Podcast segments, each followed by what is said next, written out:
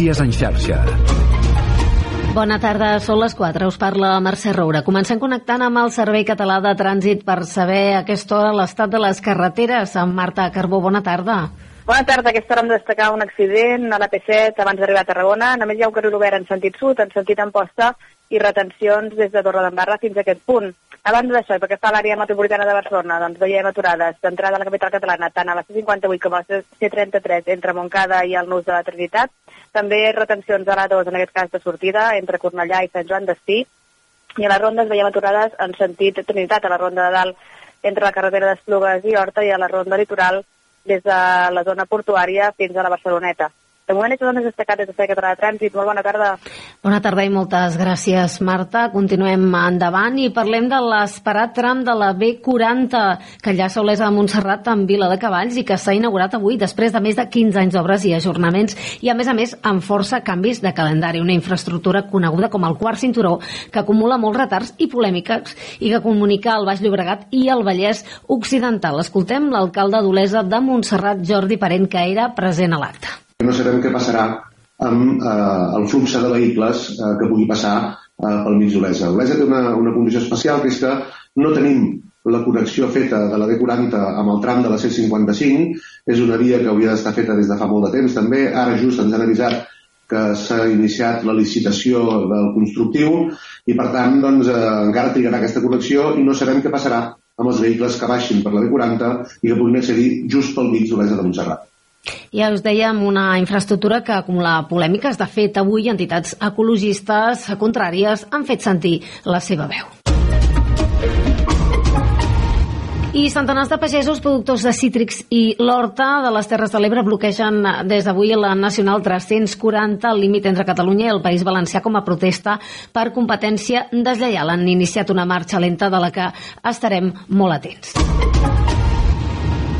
Parlant encara d'infraestructures i de transport, la Comissió Política per al Transpàs de Rodalies es constituirà finalment dilluns vinent a Barcelona. Serà en una reunió entre la consellera de Territori, Esther Capella, i el ministre de Transports, Òscar Puente, que avui era present precisament a aquesta inauguració de la B40. L'òrgan s'encarregarà de fer un seguiment polític i governamental del desplegament d'aquest traspàs. I la Policia Nacional ha detingut a Saragossa un home presumptament implicat en la mort violent d'un home a Cambrils el passat dia dia 12 al matí. Els fets es van produir entre Cambrils i Vinyols. Ho continuem informant, tornem amb més notícies en xarxa. Notícies en xarxa.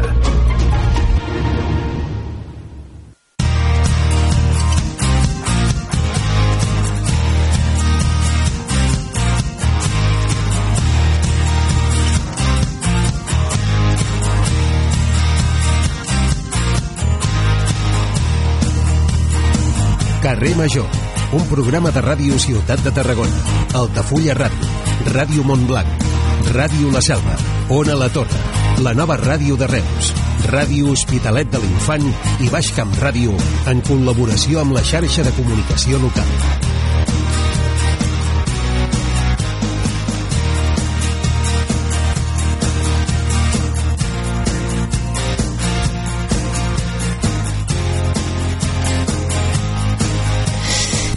Hola, bona tarda, benvinguts. Això és Carrer Major. He deixat cinturar una mica massa la sintonia perquè encara estic enllestint el guió de presentació del programa.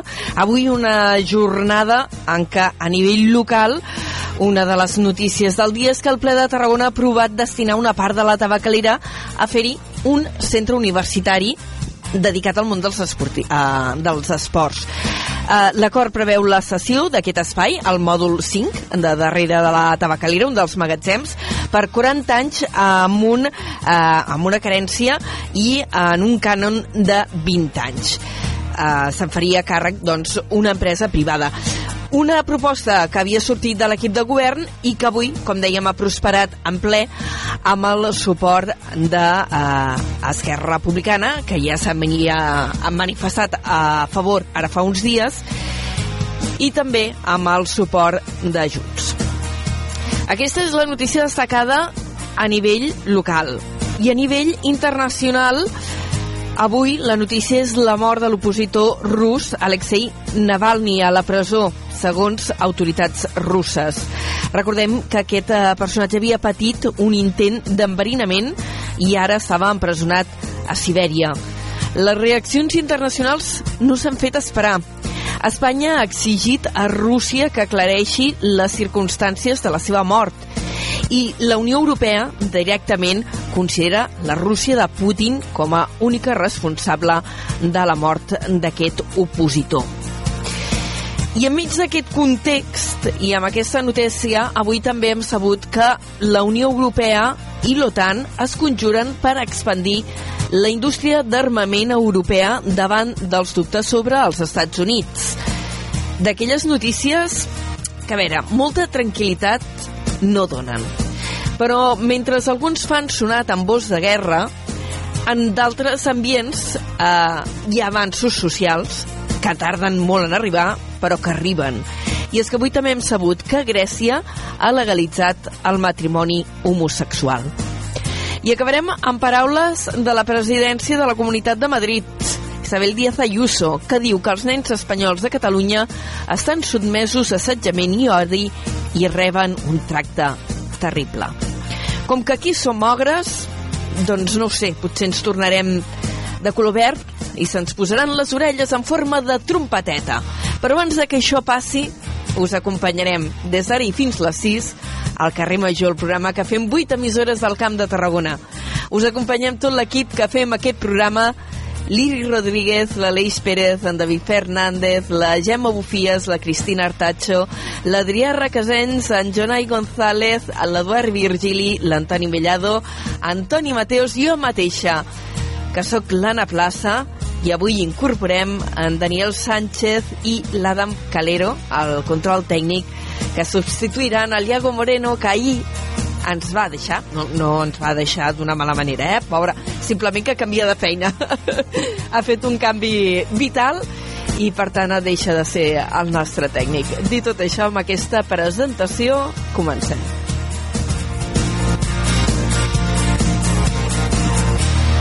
Carrer Major, Anna Plaza i Jonai González.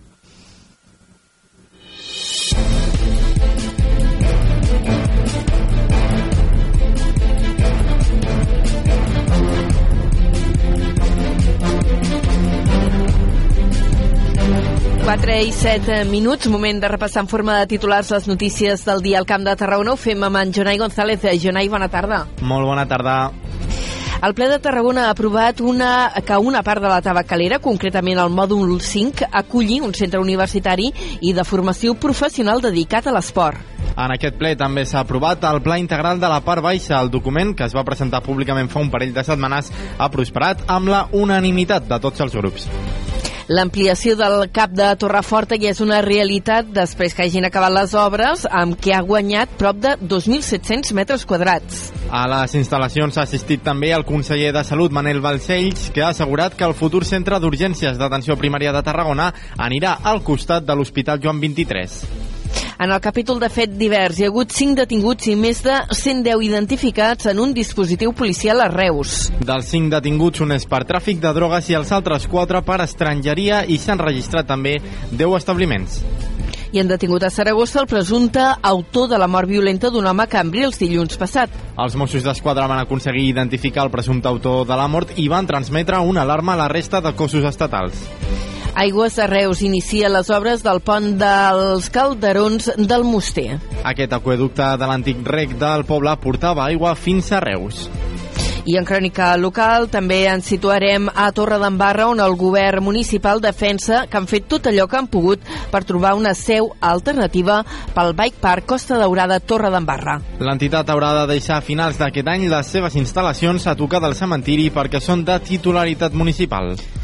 La xarxa Santa Tecla ha inaugurat avui a Vilaseca un nou centre especial de treball. L'espai donarà feina a 40 persones i ofereix treball remunerat a persones amb discapacitat, garantint així la seva integració laboral.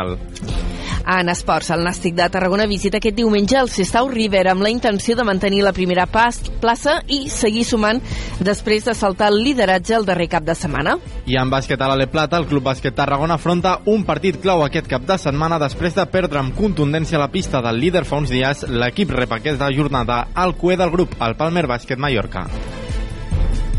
Doncs són les notícies que repassarem avui a l'informatiu d'aquí una mitja hora aproximadament i després de parlar de literatura. Avui la nostra convidada serà la Margarida Ritzeta. Uh, Jonai, fins després. Fins després, adeu.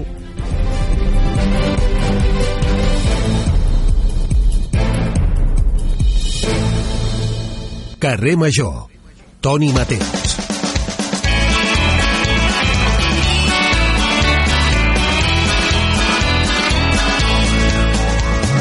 Mateos. Plaça. Què? Què? Ostres, què? Digues. No digues tu. No, no, no, t'anava a dir... M'he quedat tan xocada amb això del, del, del, del Navalny que... Del rus, Mira, saps? sí. L'opositor rus que... Sí, la l'opositor que... rus que el, que el van enverinar amb... Uh, amb No, aquest no, aquest no és el del Polònia, aquest el tenien a Sibèria. Ah, vale, vale, vale. Aquest no és el del... No, aquest... Però també no el van sé si- intentar enveri- enverinar, Sí, no? també el van intentar enverinar. Algú hi havia hagut... mm, Sí, no sé, és, és tot molt tèrbol. És molt tot tèrbol. tèrbol. L'escriptora russa també que va morir fa... No gaire. Sí, La- sí. No recordo Sí, el nom sí. d'aquesta escriptora russa, també opositora. Periodista, bueno, mira... Sí, eh, sí, sí, coses no que sé. passen, eh, accidents i, i morts, i, i tot relacionat. Bueno, no sé qui eh, es va dedicar a fer el recompte de morts que hi havia hagut casualitats, eh? Casualitats. Sota el règim de Vladimir Putin. Però mira, Totes morts accidentals, morts sobtades, eh, morts per malalties que mm, això no havia de passar. No, no ho sé, no ho sé, és tot molt tèrbol. Mira, avui, avui tindrem una escriptora que avui ve a presentar una novel·la històrica, però ha fet molta novel·la negra. No sé si li acabaré preguntant també per si troba fonts d'inspiració aquí, eh?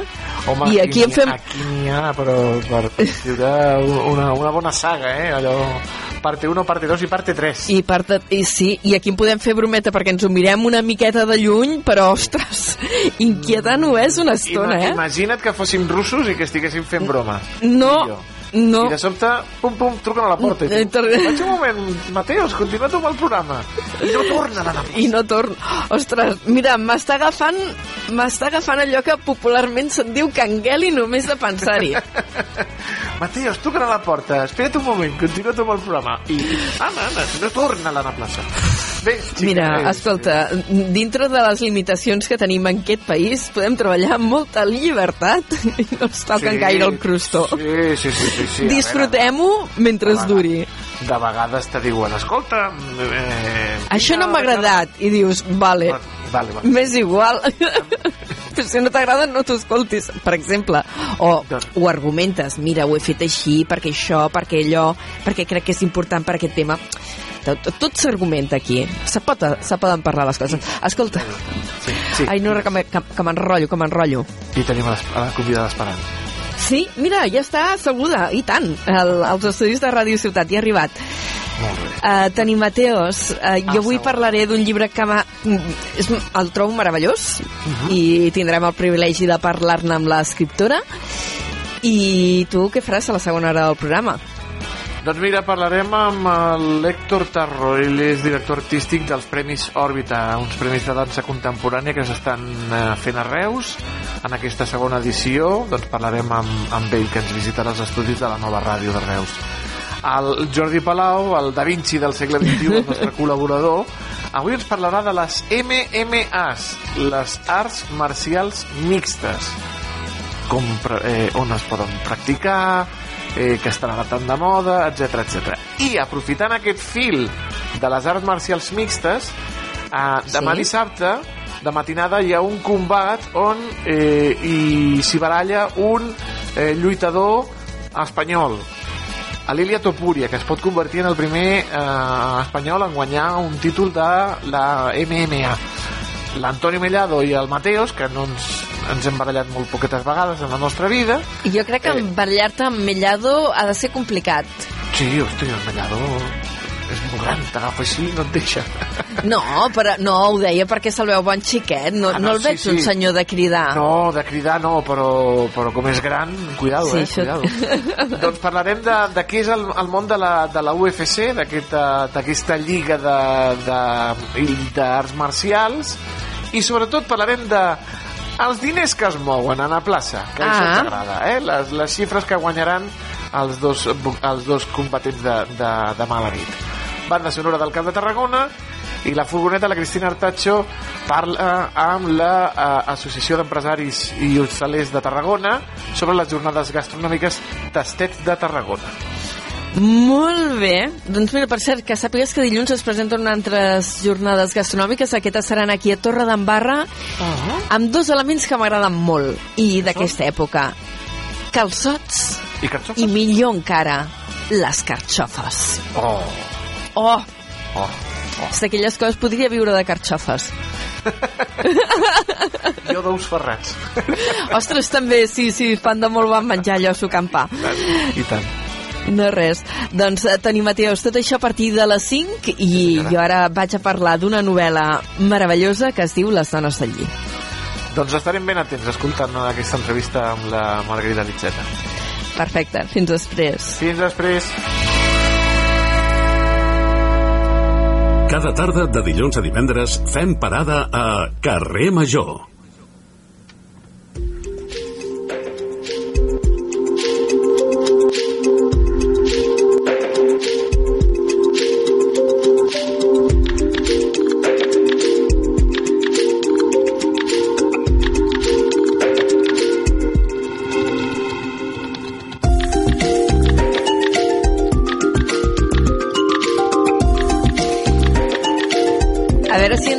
Entenem amb els tècnics, perquè us havia posat a l'escaleta que m'heu de tirar un document... Ai, que potser no l'he posat. L'he pujat al final? Escriviu-me el guió si l'he pujat, que era l'Aurrescu. L'he pujat o no l'he pujat? Si no, ja no hi sóc a temps. No l'he pujat. Oh, massa cosa alhora. No l'he pujat. Doncs llavors, amb la sintonia de l'informatiu de cada dia, llegiré un petit fragment amb el qual donarem la benvinguda a la Margarita Aritzeta, que és la nostra convidada d'avui. Aquest fragment diu és ben veritat que les dones del lli són alguna cosa així com aquella estesa de flors que naixia i moria cada matinada. Totes són semblants, però no n'hi ha cap d'igual, i sempre n'hi ha de noves. Cada hivern apareixen les nenes, que venen a aprendre a desfilar, mentre que se'ls en van les noies, que ja s'han fet l'aixovar i es casen. Se queden les fadrines i les viudes, anys i anys, fins que ens morim. I amb el temps, si no s'han mort de part, també tornen les que un dia van ser jovenetes casadores i després dones casades, i ara són vídues. I entre totes, fem coixí. I aquest anar i venir, com la florida d'un dia, es compensa amb el moviment de fons de les dones que s'han fet ofici i vida, que filen i teixeixen i cusen des de la infantesa, que els han donat un floc esbullat i ple de bocins de canyeta per filar estopa fins a la mort, amb els dits que s'encarcaren, l'esquena dolorida i els ulls entelats. I quan ja no hi serem, en vindran unes altres i tothom oblidarà els nostres noms. Per això ens expliquem històries, perquè allí és com la vida. El fil de les nostres històries és el fil que relliga les generacions. Margarida Aritzeta, bona tarda i benvinguda. Hola, Anna, bona tarda. Gràcies. Un, una miqueta llarg aquest fragment que, que he llegit, no, No, de fet, per bonic. encetar una entrevista, una mica llarg, però No, no, és que l'he trobat que tan llegit. encertat, l'he trobat tan encertat per situar una mica la novel·la, les dones del lli i moltes de les coses de, de les quals parles.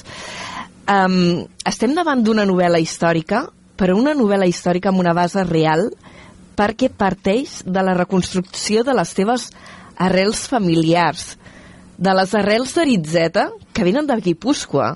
Situa'ns una mica.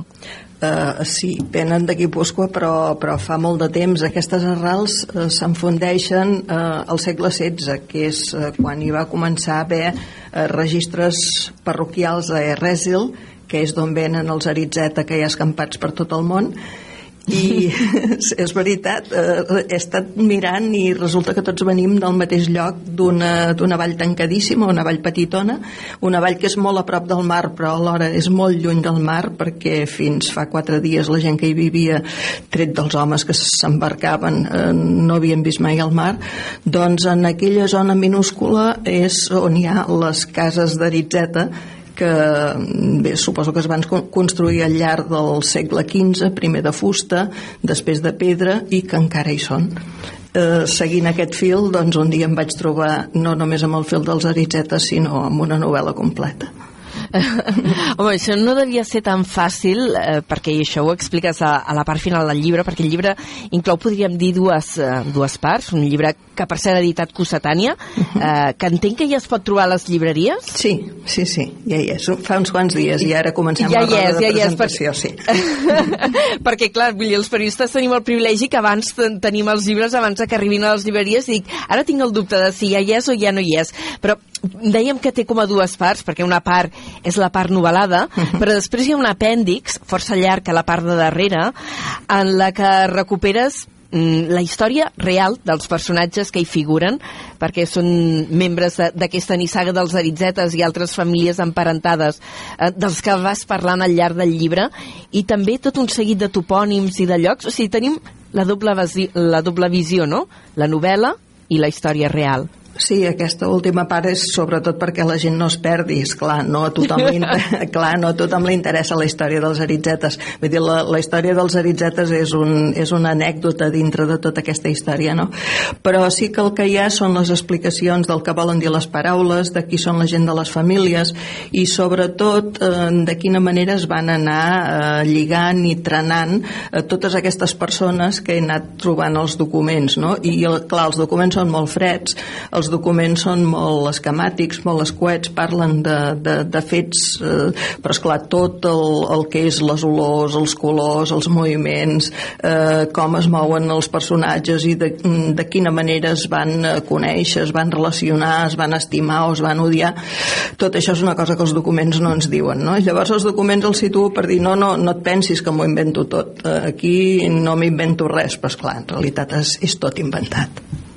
Eh, de fet, has fet un exercici que entenc que ja havies fet amb una novel·la anterior titulada El pou dels maquis. Allí recuperaves la, la història d'uns guerrillers que van viure al mas de la teva família a Valls. Sí. És, és un exercici semblant? Sí, i ho és també una novel·la que encara és anterior, que, que recull els fils de la família de la meva mare, que es diu L'herència de Cuba, que, que parla, la meva mare va néixer a Cuba, i per tant ens preguntem eh, d'on venim, no? I ens preguntem i per què la gent es mou i per què la gent va d'una banda a l'altra i per què hi ha exilis i per què hi ha migracions i, i, i per què la meva família està barrejada de tants fils que venen de tants llocs. No, no, hi ha una inquietud, no?, aquí també per recuperar el teu passat i a vegades, ostres, quan mires tan enrere, a mi m'ha fet un cert vertigen, no?, perquè, clar, quan mirem els nostres antecedents, pensem en els pares, els avis, els que hem tingut la sort, jo vaig tenir la sort d'haver conegut i haver conviscut amb la meva besàvia, però ja quan mires tan enrere dius, ostres, estic retrocedint dintre de la meva família generacions i generacions fins a arribar, com deies, al segle XVI. Sí, 1539-40, sí. Sí, uh, Això fa però... molt... Dona un cert vertigen, no? Sí. Quina sensació tenies en trobar um, documentació tan antiga de parents teus, perquè no deixen de ser parents teus, tu vens d'allí. Sí, eh, un cert vertigen sí, però alhora eh, resulta que, que veient el món, sobretot d'aquestes dones, no? d'aquestes dones, les criatures, les nenes de Baserria, és a dir, de Mas, que quan tenien set anys eh, els pares els donaven un tros de terra, deien, mira, en aquesta terra, doncs planta el teu lli i, i amb el que plantis i cullis i, i, i, i aconsegueixis, doncs et faràs la roba per quan et casis o per quan es morin els avis o per quan neixin els teus fills no? eh, clar, això mm, d'una banda és molt lluny i, i et fa posar una mica els pèls de punta però d'altra banda em parlava també d'un ambient que jo havia conegut i és el de la meva mare i la meva àvia cosint a casa no?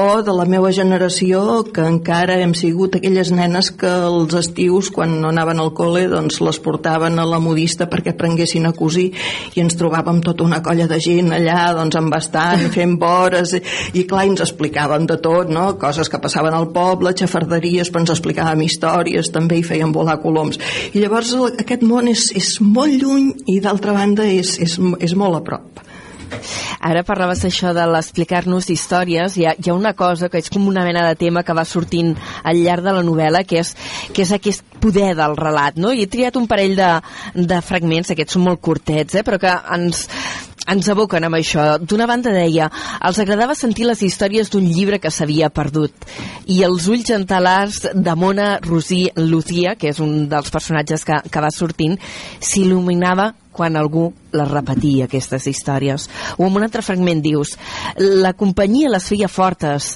els relats compartits els donaven poder, i així, amb els relats, s'allargaven la vida. Sí és aquest poder de la paraula eh, que també el trobem en una és una referència literària que cito al final del llibre eh, la història de les mil i una nits no? quan la Xeresada mm. eh, a través de l'explicació de les històries a través dels relats eh, va allargant eh, els dies, va allargant les nits i en realitat va allargant la vida clar, aquestes dones del segle XVI i del segle XVII que vivien allà i que tenien una vida dura una vida mm, que des de que s'aixecaven fins que s'anaven a dormir dormir doncs, només coneixien treball, obligacions i, i poques alegries, mm, bé, doncs eh, es desfogaven d'alguna manera explicant-se històries, no? Després la gent, mm, els homes sobretot de la, de, del poble, del, del mas, eh, del lloc, eh, de totes aquestes dones que es trobaven a la part del foc i s'explicaven històries i sopaven juntes, cada dia el mateix sopar, castanyes i llet, que era el que hi havia, doncs en deien sopar sopars de bruixes, no? perquè també era el temps de les bruixes i era el temps que sí. tot el que feien les dones amb els remeis, amb les herbes i tal, doncs era sospitós i era posat en qüestió aquest rerefons una mica màgic, llegendari, no? perquè hi ha alguns fragments que, que estan ambientats al bosc, també hi ha moltes referències al mar, no? com, com un element gairebé mític i amb una força destructora, també referències a les balenes, als, als homes que eh, eren els que s'aventuraven al món, no? les dones tancades en aquest ambient més, més reclòs eh, del qual ara feia referència, però aquest element màgic també hi és present a la novel·la. Sí, sí, l'element màgic forma part de la vida d'aquestes dones, d'aquesta gent que vivien a tocar del bosc i per tant el bosc el que hi havia doncs era les deesses, les dones d'aigua, les fúries, hi havia els, els apareguts, hi havia també els, els llops, els ossos, hi havia tota mena d'animals i per tant les creences, les llegendes i les històries reals o inventades mm, bé, formaven part de la seva vida no? era un bosc mm, dens, un bosc espès, un bosc que se'n treia llenya, que se'n treia carbó, que se'n treien herbes, que se'n treien bolets, era un bosc on es podien amagar els fugitius, on se podien amagar els malfactors, on se refugiaven els perseguits, eh, era també un lloc de pas dels qui feien el camí de Santiago, el camí de Santiago per l'interior, perquè el de la costa eh, deien que si anaven per la costa hi havia molt, molts lladres i hi havia perill que els, que els assaltessin o els robessin i per tant doncs era el camí però era un lloc eh, tancat, era un lloc ple de, de, de històries imaginades i, i era un lloc on eh, giraves d'esquena i senties el poder d'aquests éssers sobrenaturals que podien venir-te a buscar i t'atrapaven i no et veia mai més ningú, no? Això hi ha un fragmentet bastant al principi del llibre, no?, quan un dels personatges, perquè ja parlarem, és un, no, no hi ha un personatge protagonista clar, perquè és una novel·la molt mosaic, però un dels primers protagonistes que ens van apareixent es perd enmig del bosc amb una nit de tempesta. Sí. Eh, I, clar, recrees un ambient completament oníric, completament màgic, eh, terrorífic al mateix temps, un home tocat per un llamp, no? i tot adquireix una altra dimensió. Sí, sí, eh, l'home que anava a casar-se i a mitja muntanya, clar, a mig pas de la muntanya, doncs la replega la senyora del llamp, no? la replega la tempesta i eh, el toca un llamp i quan arriba baix a la vall no, no recorda què havia anat a fer, no, no recorda que havia anat a casar-se, no?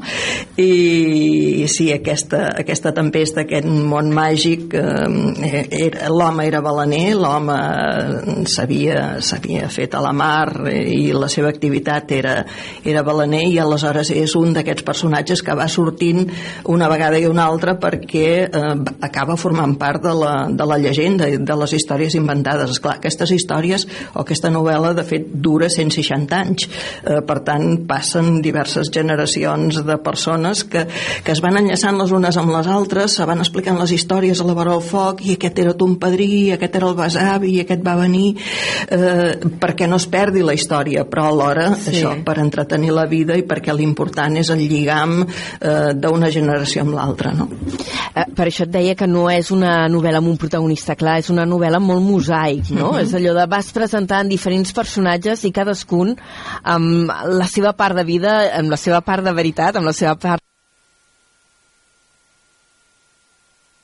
el relliga l'últim personatge, el personatge que abandona eh, Guipúscoa, que abandona el País Basc i va a parar en un poblet eh, del, entre la, la entre l'Urgell i la Sagarra, eh, que és eh, bé, eh, ara me'n recordo com. Arbeca, home i que a més a més diu sembla que baixis d'Arbeca quan vas despistat sí, doncs sí. això m'ha passat a mi ara eh, doncs és aquest personatge que va parar a Arbeca en 1704 que el trobo que es casa Arbeca el 1704 i aleshores és a partir d'aquest personatge que quan es casa el dia que es casa plou I de tirar... clar, el dia que es casa plou i llavors recorda la seva terra recorda la seva gent i diu no vull que la meva casa, que la meva família se m'oblidi, no?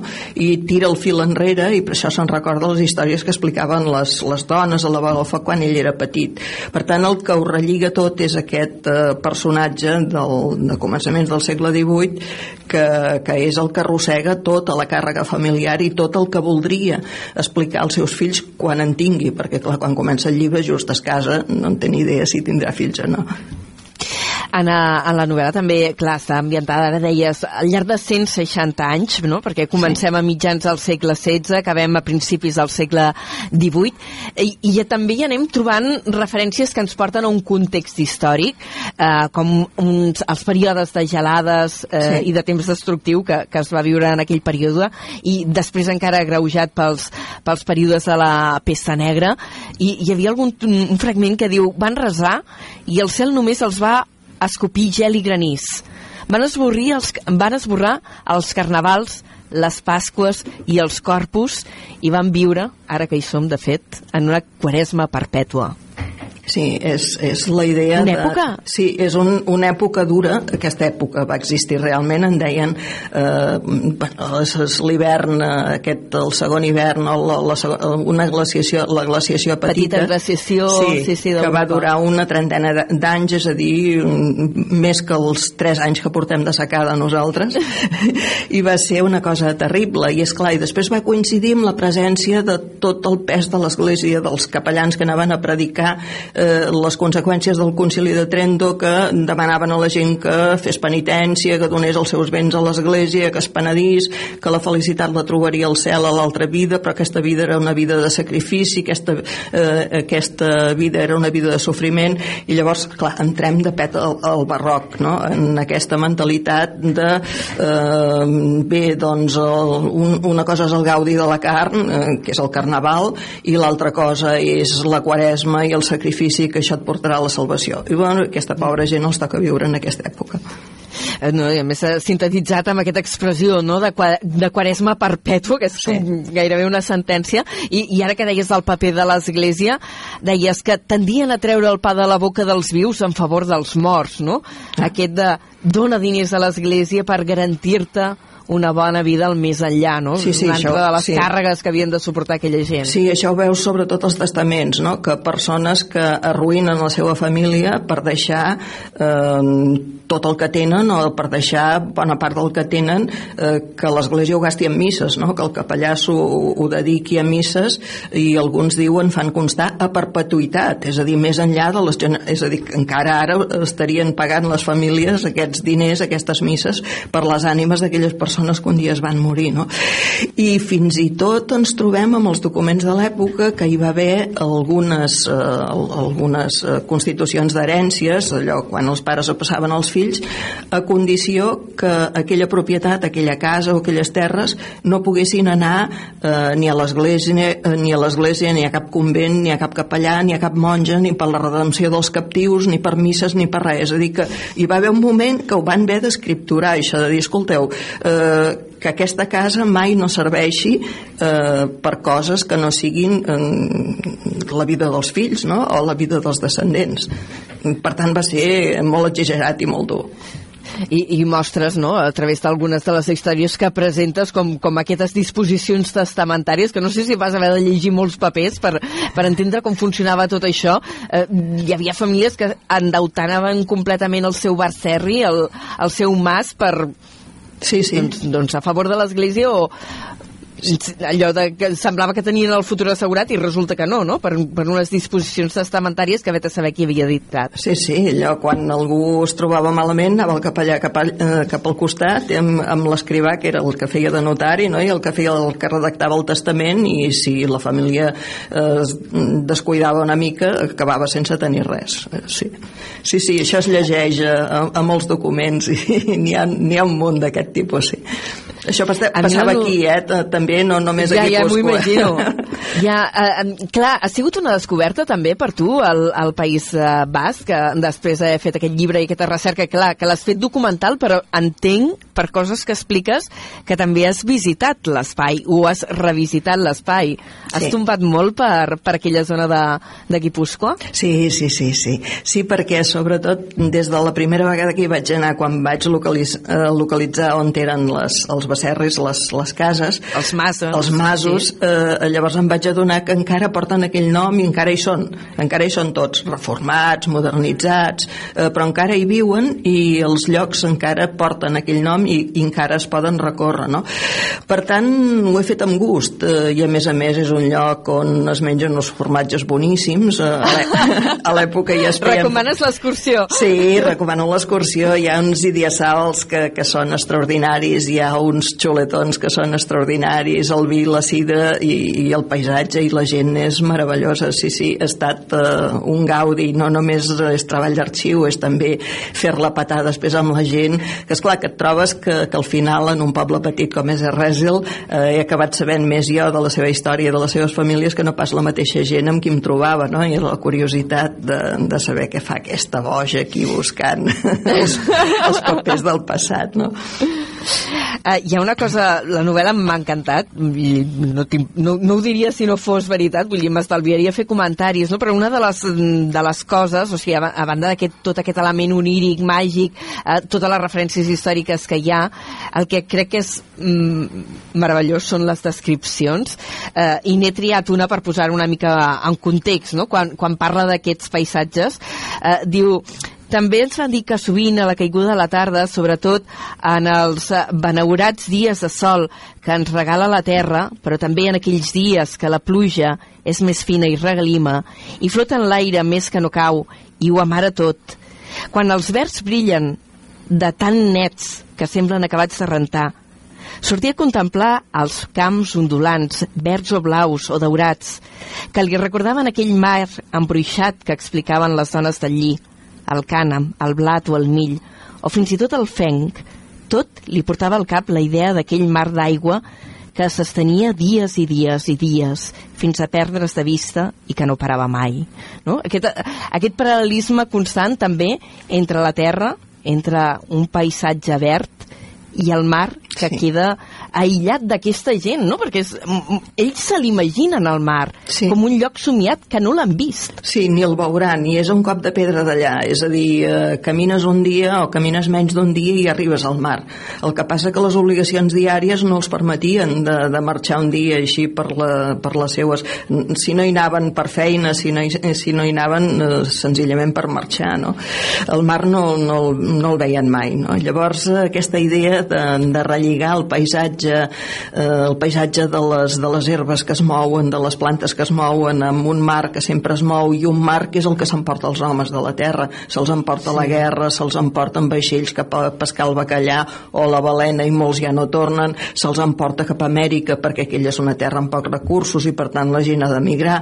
Eh, clar, el mar, el mar és, és com, una, com un monstre que, que s'endú la gent, eh, però el mar alhora és un pou d'aventures perquè els que tornen expliquen històries meravelloses de tresors, de la volta al món, és clar, quatre passos allà a Guitària va néixer el Cano, eh, Joan Sebastián Elcano, que és el que va fer la, la volta al món, no? la primera volta al món. Per tant, aquest món dels aventurers, dels homes que tornaven i que explicaven, i les dones allà a la vora del foc embadalides escoltant aquestes històries, els arribava l'oli de balena, l'oli de catxalot, que era el que servia per encendre les llànties, per, per veure i a les nits, perquè, és clar llum elèctric no n'hi no havia. No. Algú em deia, diu, escolta, d'aquest llibre té fotos. Dic, home, fotos. No. clar, fotos no. Home, n'hauries pogut fer tu, no?, dels paisatges, sí que és... Perquè és que m'aporta molt això, a veure, a veure un lloc, és que realment el visualitzes, no? Sí, que, que és sí. una de les gràcies del que aconsegueixes amb aquest relat, no? De transportar-te en un espai i en un lloc que ens és llunyà, però fer-nos el, molt vívid. Sí, sí, sí, sí, sí però és clar la gent, la gent ja no hi és, no? La gent ha desaparegut, però sí que, que hi he provat de fer un relat eh, molt eh, sensual en el sentit que es notin les olors, els colors, les sensacions, eh, que sentis eh, una mica el, pas, el pas de l'aire, no? El, el, el, la, la sensació de la pluja, els diversos tipus de pluja, tot això, clar, quan vas allà ho notes i llavors vols que també qui ho llegeixi que, que ho noti. I en fi, això és el que he intentat he de dir que personalment a mi m'ha arribat, ja, ja he dit i us repeteixo que la, la novel·la m'ha agradat moltíssim, la, Les dones del lli de la Margarida Aritzeta, que en aquest cas eh, cultiva el gènere de la novel·la històrica, però que has fet molta novel·la negra, sí. has fet ciència-ficció, i, i de fet ara fa molt pocs dies s'obria la convocatòria del tercer premi eh, Margarida Aritzeta, eh, Vila de Creixell, sí. eh, que s'entrega en el marc de, de les jornades del Festival Creixell i Crims, que es farà el mes de juliol, que això, escolta, l'altre dia ho dèiem amb, amb el Josep eh, Sánchez, que és el meu company aquí a Ona la Torre, eh, ostres, això, ja, ja quan un premi porta el teu nom, ja això és un homenatge Plega. que m'han fet, no, és un homenatge que m'han fet i que ho agraeixo molt perquè és molt bonic, perquè normalment aquestes coses et passen quan t'has mort, no? I llavors Clar, és que ho, dèiem, diu, per, quin privilegi, no? Sí. no? I que et donin un premi i que... O sigui, no és que et donin el premi, no, no, és que el premi porta el teu nom. Sí, això és, és, molt, és molt bonic eh, perquè demostren que hi ha tota una sèrie al voltant doncs, que, que t'aprecia, que t'estima, que ha llegit els teus llibres i que, i que s'ho ha passat bé amb els llibres. Per tant, s'ho ha passat prou bé com per eh, convocar un premi i dir, mira, li posarem el nom d'aquesta dona. doncs ja està. que hi aniràs a Creixell Crims. Sí. Enguany, dèiem, em sembla que és 12-13 de juliol, ja han dit les dates. Sí, sí, sí, sí, farà caloreta com a les edicions anteriors, però, però no m'ho perdria per res del món, i tant, a Creixell. Sí, sí. Avui ens ha acompanyat a, a carrer Major la Margarida Aritzeta a motiu d'aquesta presentació de la novel·la de les dones del lli eh, que ha editat Cossetània. Deies, ara començarem roda de presentacions. Tens calendari ja al cap d'on et podem veure i on podem sentir-te de primera mà parlant, parlant del llibre i, i difonent-lo i divulgant-lo? Sí, a veure, que me'n recordi. El, aquest dimecres eh, de la setmana que ve, avui és divendres, no? El dimecres de la setmana sí. que ve presentem a Valls, eh, a l'Institut d'Estudis Ballencs. El dijous presentem a Tarragona, la llibreria Etzerà. El divendres vaig al programa del Grasset. I que me'n Ah, molt bé. sí. Per una vegada a la vida m'anticipo amb ell, ja li Veus? sí. Soc un vilatana del Grasset, ja he de dir. Ets eh, de Salou. De Vilaseca de, de Vilaseca, som Salou. convilatans, sí, sí. Perfecte. Doncs el divendres toca, toca Graset i que me'n recordi el dia 8 de març, que és el dia de les dones, vaig a Rubí i a partir d'aquí ja no ho sé, ja, ja és una bogeria. I després ja ve Sant Jordi. I després ja ve Sant Jordi. Sí. Eh, segurament, almenys aquí a, a casa nostra, espero que estigui en, en la llista dels més venuts, molt ben situat a les llibreries. Jo el recomano moltíssim perquè m'ho he passat molt bé llegint-lo. Les dones del lli de la Margarida Aritzeta. T'agraïm moltíssim que hagis vingut avui a, al programa a presentar-lo. Moltes gràcies a tu i una abraçada. Fins, fins la pròxima. Adéu-siau. Adéu. Carrer Major, la proximitat del Camp de Tarragona.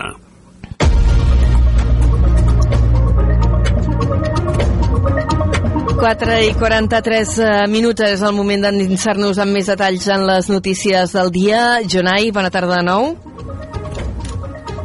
Ai, veritat, que s'aixeca la Margarida Aritzeta de l'estudi fins que no arriba el Jonai.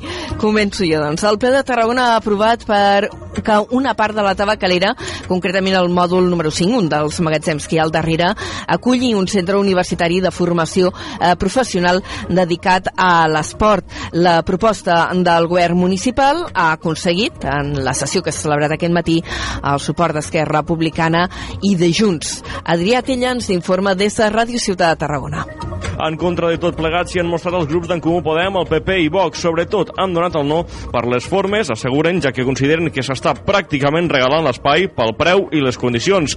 L'alcalde de Tarragona, Rubén Viñuales, ha afirmat que aquest és l'inici de la recuperació d'un espai emblemàtic com Tabacalera. Tot i això, ha lamentat la posició contrària d'altres grups i ha defensat la solució. Com es pot pensar que estem regalant Tabacalera, primer de tot, perquè la propietat sempre serà nostra.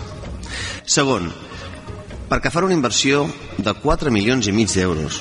Ens hem de plantejar si volem ser part de la solució o part del problema. Jo em vaig fartar de sentir que havíem de fer alguna cosa amb Tabacalera. Una i mil vegades, i tots ho dèiem, i vinga, dale, Tabacalera, i Banco d'Espanya, i Sabinosa... Quan agafem i trobem una solució, què és? Formativa. A partir d'ara s'externalitzarà l'ús d'aquest espai a partir d'un concurs públic en principi perquè se'n faci càrrec l'Escola Universitària de la Salut i de l'Esport, EUSES, una empresa privada adscrita a la URB. Serà una concessió de 40 anys. La idea és que els primers 20 no pagui el canon estipulat a l'Ajuntament a canvi de fer-se càrrec de la inversió per adequar les instal·lacions. Després, el canon mensual seria de gairebé 18.000 euros, que deixaria al consistori uns 212.000 euros a l'any. I en el ple, que s'ha celebrat, com dèiem, aquest matí, també s'ha aprovat una altra qüestió important, el Pla Integral de la Part Baixa. El document que es va presentar públicament fa un parell de setmanes ha prosperat amb la unanimitat de tots els grups. Ens ho explica des de Ràdio Ciutat de Tarragona també l'Adrià Tella. El full de ruta planteja 25 actuacions dibuixades sobre 11 línies d'actuació, algunes amb una projecció a mitjà o llarg termini, però d'altres que es començaran a executar al llarg d'aquest 2024. El conseller de Territori, Nacho García, ha defensat que és un pla integral que va molt més enllà d'una simple modificació urbanística. Dos propostes en habitatge, comunitats energètiques, propostes en patrimoni, propostes en mobilitat, propostes en cultura, propostes per afavorir l'associacionisme, propostes per, per afavorir el comerç a la part baixa. Jo crec que no estem parlant només de urbanisme, de fet, hi ha 25 propostes i, i he anomenat pues, unes 10 aproximadament que no tenen res a veure amb, amb l'urbanisme, per tant, eh, no, no... ja he dit abans, l'urbanisme és la base, però hi han d'haver altres propostes i són en aquest pla, en aquest pla integral. Algunes de les actuacions podrien ser força immediates, destaquen per la seva importància el nou col·lector d'aigües pluvials de Torres Jordi o la reforma de l'eix històric dels carrers Reial i Apodaca. I seguim encara situats a Tarragona, ara a la zona de Ponent, perquè l'ampliació del CAP Torreforta ja és una realitat. El conseller de Salut, Manel Balcells, ha visitat avui les noves instal·lacions que han guanyat 2.700 metres quadrats. Ara aquest centre sanitari, que és de referència a tota la zona de Ponent de Tarragona, incorpora 22 noves sales de consultes destinades a pediatria, atenció a la salut reproductiva, rehabilitació, medicina general i activitats comunitàries. També s'inclou el sistema d'emergències mèdiques. El nou recinte es distribueix en una planta baixa amb més dues alçades i s'adossa directament amb l'antic edifici. El projecte ha costat 5,2 milions d'euros i s'ha finançat amb fons europeus. En una segona fase del pla director que es desenvoluparà entre el 2024 i el 2025 s'acabarà l'edifici nou habilitant la resta de l'equipament. Serà llavors quan el tram ampliat enllaci amb l'antic per totes tres plantes. D'altra banda, en la seva visita a Tarragona, el conseller Vallcells també ha anunciat que el nou centre d'urgències d'atenció primària de Tarragona anirà al costat de l'Hospital Joan 23.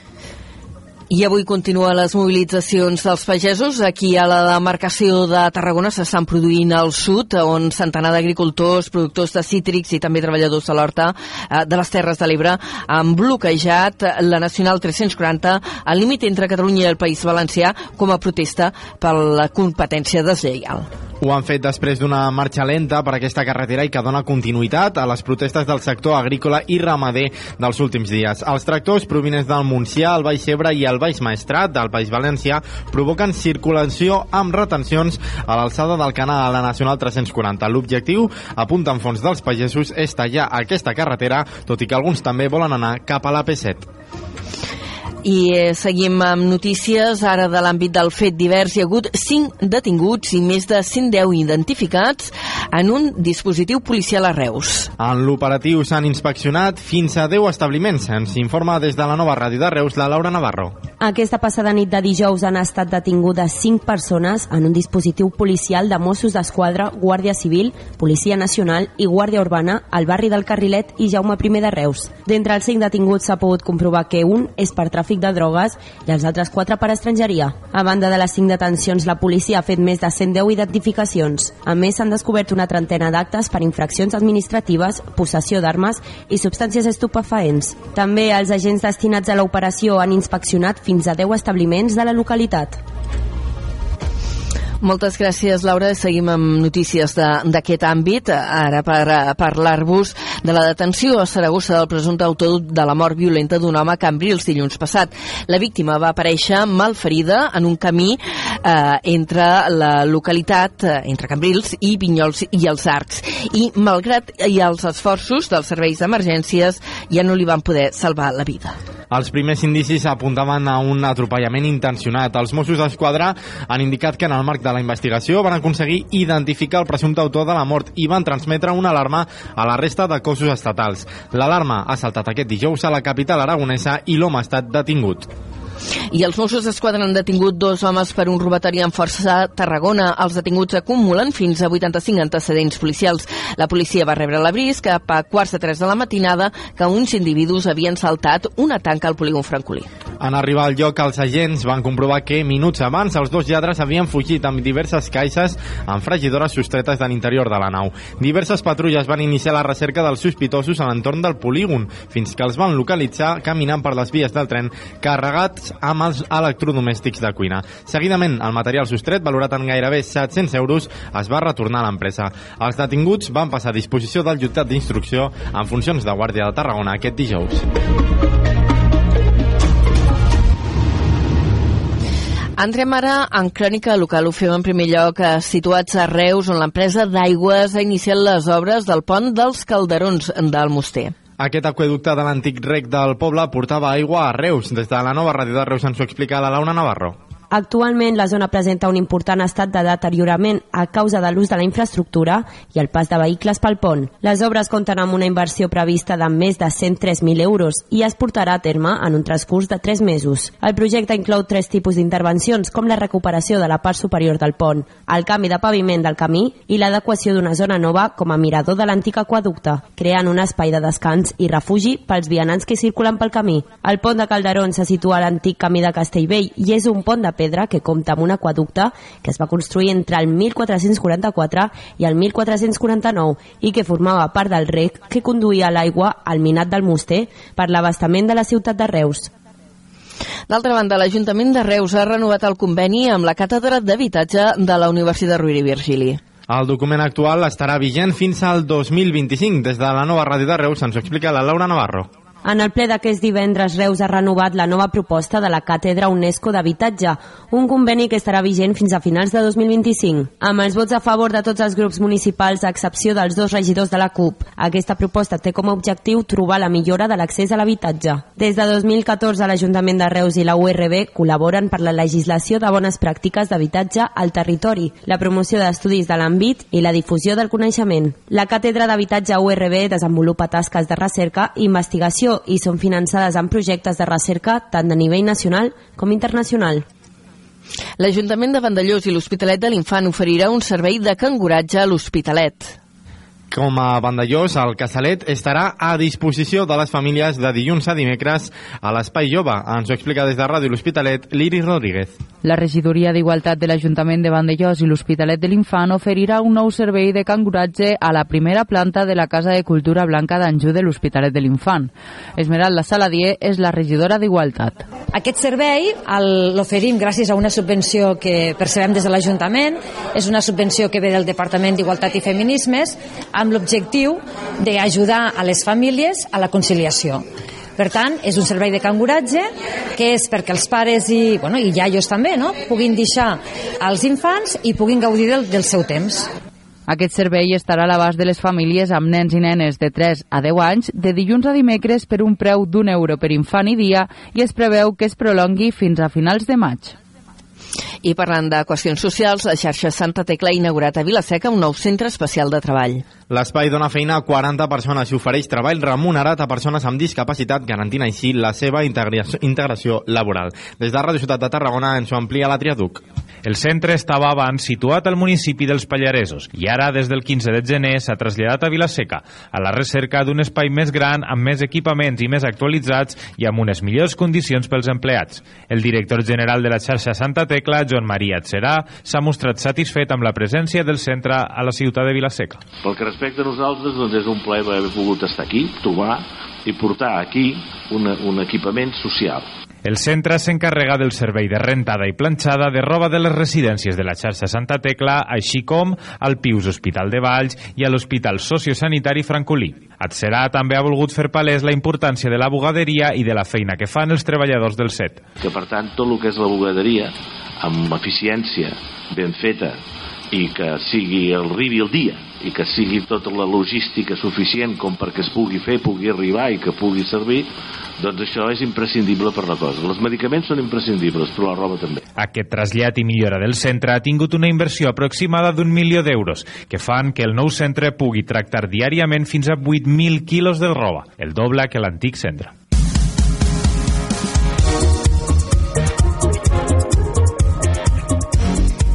I a punt esportiu per explicar-vos que el Nàstic de Tarragona visita aquest diumenge el Sestau River amb la intenció de mantenir la primera plaça i seguir sumant després de saltar el lideratge al darrer cap de setmana. Tot i això, cos tècnic i plantilla tenen clar que no ha de canviar res, sobretot perquè encara resten 15 jornades de Lliga. I el Club Bàsquet Tarragona afronta un partit, un partit clau aquest cap de setmana. Després de perdre amb contundència la pista del líder fa uns dies, l'equip rep aquesta jornada al cué del grup, el Palmer Bàsquet Mallorca.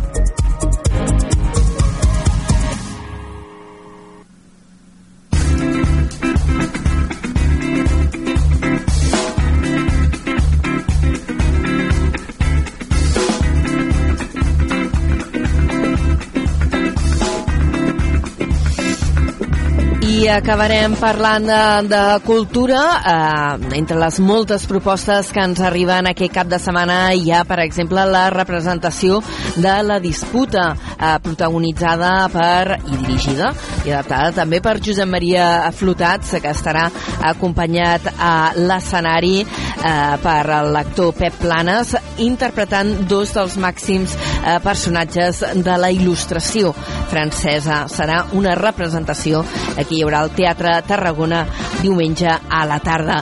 I acabem amb una recomanació que ens arriba des del moll de Costa de Tarragona on s'ha presentat una exposició dedicada a Josep Vallverdú i una altra als agents rurals. Tanquem així la primera hora.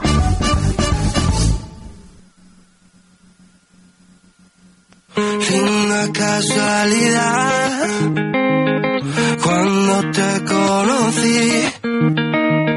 ¿Cómo es que olvidé lo que era sentir nervio y frenesí por primera vez de las mil y una dudas? Ya no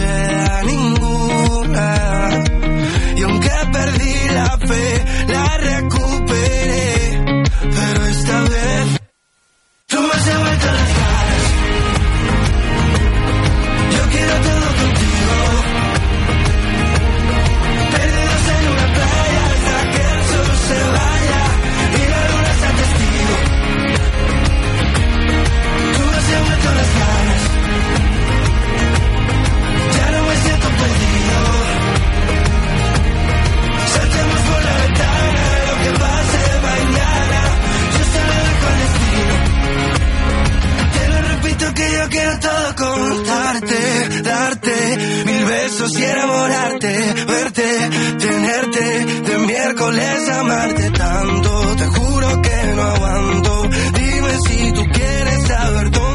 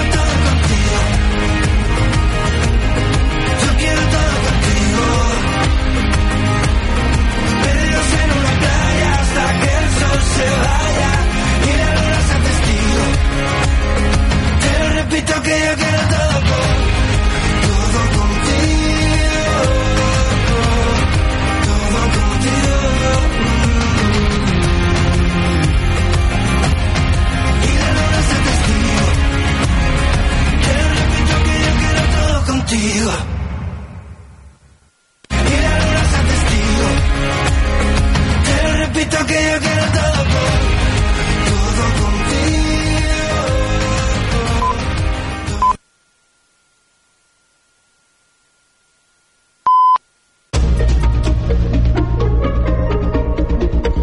Notícies en xarxa. Bona tarda, són les 5. Us parla Mercè Roura. Comencem connectant amb el Servei Català de Trànsit per conèixer l'estat de les carreteres hores d'ara amb la Marta Carbó. Bona tarda. Bona tarda. A aquesta hora es manté un carril tallat abans d'arribar a Tarragona, a l'autopista P7, i provoca retencions en un tram de més de 4 quilòmetres des de la Riera de Gaià en sentit sud, en sentit Amposta. A banda d'això, i pel que fa a l'àrea metropolitana de Barcelona, doncs veiem aturades d'entrada a la capital catalana, tant a les 58,33, entre Montcada i Nus de la Trinitat, també a la Divina, a la Pota Nord, a Santa Coloma fins al Nus de Trinitat, i retencions a les rondes de la capital catalana en sentit Trinitat, a la ronda de dalt entre la carretera d'Esplugues i Sant Gervasi i a la ronda litoral a la zona portuària fins la Barceloneta. De moment això és tot des de de Trànsit. Molt bona tarda. Gràcies, Marta. No deixem de parlar de carreteres perquè l'esperat tram de la B40 que enllaça Olesa de Montserrat amb Vila de Cavalls s'ha inaugurat avui després de més de 15 anys d'obres, ajornaments i canvis de calendari. Una infraestructura coneguda com a quart cinturó que acumula molts retards i polèmiques i que comunica el Baix Llobregat i el Vallès Occidental. Més temes. El govern veu amb bons ulls la desalinitzadora que els hotels de Lloret de Mal volen comprar per omplir piscines a l'estiu, tot i que les restriccions actuals no permeten l'ús d'aigua dolça desalada, en aquest cas per a ús recreatiu ni turístic. El conseller d'Acció Climàtica, David Mascort, ha dit que primer han de rebre la proposta i després l'estudiaran amb cura i ganes d'autoritzar-la aquestes eh, actuacions requereixen de tota una sèrie de permisos, de, de l'anàlisi acurat de cada una de les actuacions i per tant quan el tinguem fet podrem valorar si es pot fer o no es pot fer. Nosaltres sempre sempre, totes les que ens han proposat les avaluem sempre amb la intenció de que siguin possibles per tant farem el possible perquè sigui però hem de primer rebre la proposta i analitzar-la. Els hotelers de Lloret, recordem-ho, volen comprar una desaladora mòbil per mig milió, un milió i mig d'euros, volem dir. Assegurem, asseguren que només utilitzaran el 20% de l'aigua desalada i que la resta, 40.000 litres l'hora, els cedirien a l'Ajuntament de Lloret perquè l'aboqui a la xarxa pública. En principi, les restriccions actuals no, no permeten ni reomplir piscines, en aquest cas per ús recreatiu, tant privades com del sector turístic. Només es podria fer amb aigua de mar. I per set, seguiment d'una notícia que us dèiem a primera hora, els bombers han verificat que no quedés cap persona atrapada en l'ensorrament d'un edifici d'obres al carrer Galzeran Andreu de Manresa. Recordeu que us hem explicat que s'havia esfondrat cap a quarts de dues de la tarda una part de les obres de la seu del govern de Catalunya central en aquesta localitat. En el moment dels fets, els operaris estaven dinant i no havia quedat ningú sota la runa. Els bombers, a més, han evacuat els inquilins de l'edifici adjacent i han inspeccionat que no hi hagi danys estructurals culturals. És tot de moment, tornem a més notícies.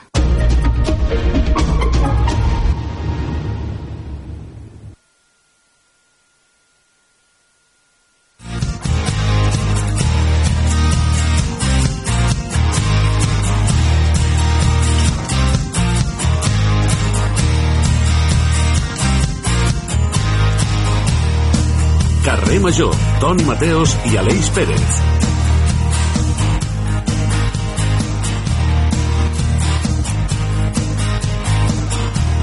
Acció que sent algú a una persona que ha comès algun tipus de delicte o de crim o que presenten una clara propensió a fer un delicte o un crim. I això s'està veient últimament la ibistrofília a Twitter o a X, aquesta plataforma com vostès vulguin, amb el cas del Daniel Sancho, aquest eh, famós xef. La història del Daniel Sancho va commocionar a tot el món aquest passat estiu. Jove, guapo, famós, està acusat d'assassinat i d'esquartarà a Edwin Arrieta a Tailàndia. Podria ser condemnat a pena de mort per aquest fet. Eh, les televisions estan fent el seu agost particular, seguint de ben a prop el judici i quina serà l'estratègia de la seva defensa. No obstant això, a les xarxes, com hem dit, s'han observat aquests mesos missatges de suport incondicional al jove. Missatges que fins i tot freguen la idolatria personal. Tots ells acompanyats de l'etiqueta Free Daniel Sancho. Allibereu el Daniel Sancho. Alerta als missatges. Alguns diuen lo guapo que és el nostre nen Daniel, ser tan guapi sí que és un delicte. Un altre. Noies, en breu, el nostre nen Daniel a Espanya. Espero que sigui una estratègia per a ficar-lo dins de GH VIP. Un altre. Sé que el nostre bombó és incapaç de matar. De fet, aposto que el cirurgià estava celós, estava gelós, que es va desmembrar a si mateix per inculpar Daniel i així arruïnar-li la vida. Arriba tard per GH Duo, però sé que serà el guanyador de Supervivientes. Ojo als missatges. No sé si tens club de fans, tu, eh, Aleix Pérez, o reps missatges tan pertorbadors, o hi ha una etiqueta que es digui Free Aleix Pérez. I si en tinc Toni Mateus, espero que no estiguin tan pirats com aquesta gent. Molt bona tarda. Toni, jo crec que no tinc club de fans, com a molt ma mare, mon àvia, que a vegades em diuen molt bé, ho fas molt bé, nen. Però més enllà d'això, jo crec que la meva vida, la meva vida com a periodista local no té tants excessos ni tantes, ni tantes bogeries ni, ni, ni, ni desperta tantes passions com, com en el cas de Daniel Sánchez. Que la teva iaia comenci un club de fans de l'Aleix, no? Sí, estaria bé, eh? Estaria molt Una, bé. una seu social, saps? Un típic bar, un típic bar on no una no, no, no, no, no, a casa la iaia. A casa la iaia, allà a, a, la, a, la, a, la, a la tauleta, allà sentades, les, les fans del, de l'Aleix, eh? El transistor. Que, que vagin repartint caretes amb la, amb la teva cara i, i vinga, aplaudiu-lo i que es quedin cada tarda per escoltar-lo. Mira, eh, mm, Carrer Major està ple, està ple de fans de la ràdio de qualitat i de proximitat, entre ells l'àvia de, de l'Aleix, els oients de Ràdio Ciutat de Tarragona, Altafulla Ràdio, Ona la Torre, Ràdio Montblanc, Ràdio La Selva del Camp, Baix Camp Ràdio, la nova ràdio de Reus i Ràdio Hospitalet de l'Infant. Els nostres tècnics, el Daniel Sánchez, no pas Daniel Sancho, no, no, no, i l'Adam Calero, i un servidor Antoni Mateos, que la mama és l'única que em diu guapo i bombó. I de tant en tant... Està bé. Bé, està bé. Benvinguts a la ràdio, benvinguts a Carrer Major.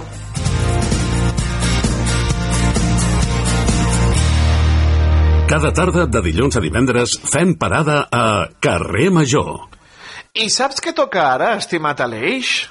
Crec que sí, crec que hem de descobrir una història, no? Una història humana, una història inusual, una història carismàtica, inclús.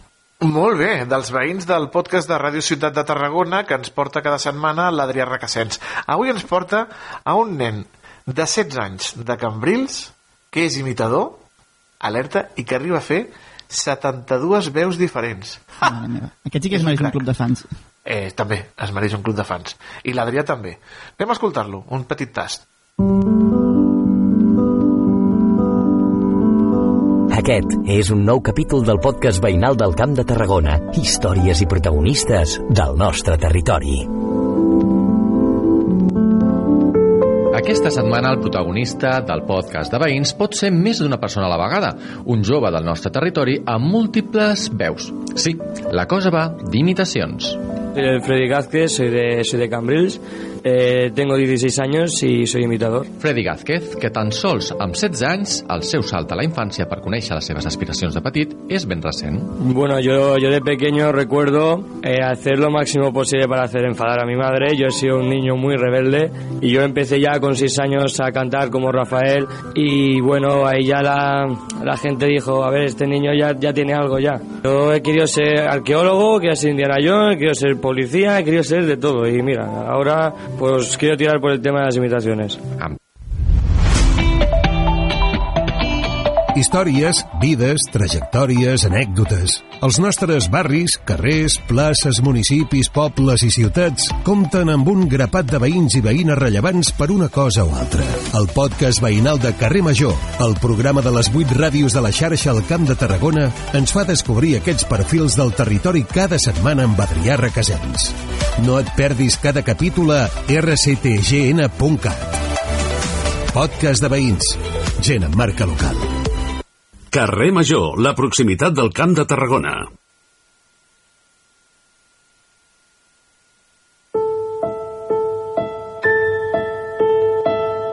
Even if you were upside down, I would be beside you. And your world were a strange thing found, I would be beside you. Aquest cap de setmana, Reus es converteix en la capital catalana de la dansa contemporània amb la segona edició dels Premis Òrbita, organitzats per l'Escola de Dansa del Centre de Lectura de Reus. Una vegada més, el Teatre Bertrina serà la seu principal d'aquest concurs amb participants vinguts de tota Catalunya i també de l'estranger.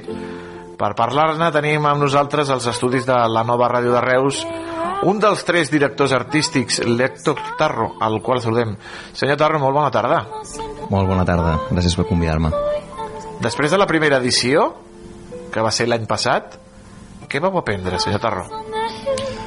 Doncs vam aprendre que la gent té moltes ganes de dansa contemporània, que ens pensàvem que seria difícil, perquè normalment la dansa clàssica tira molt, però vam veure que l'any passat mmm, la resposta tant del públic com de, dels participants com de les famílies va ser molt positiva. O sigui que la gent té gana de, de veure dansa. Uh -huh. Home, i que s'hagi triplicat el número de participants respecte a l'any passat és una bona senyal, no, senyor Tarró? És molt bona senyal. Això ens diu que hem de continuar amb la feina que estem fent, la línia de treball, que va agradar molt com ho vam fer. Uh, sempre hi ha coses a millorar, evidentment, i les intentarem millorar, però que hem de seguir aquesta trajectòria i l'any que ve més i millor encara. Coses a millorar, canvis que s'han d'implementar. Eh, quins respecte a l'edició de l'any passat?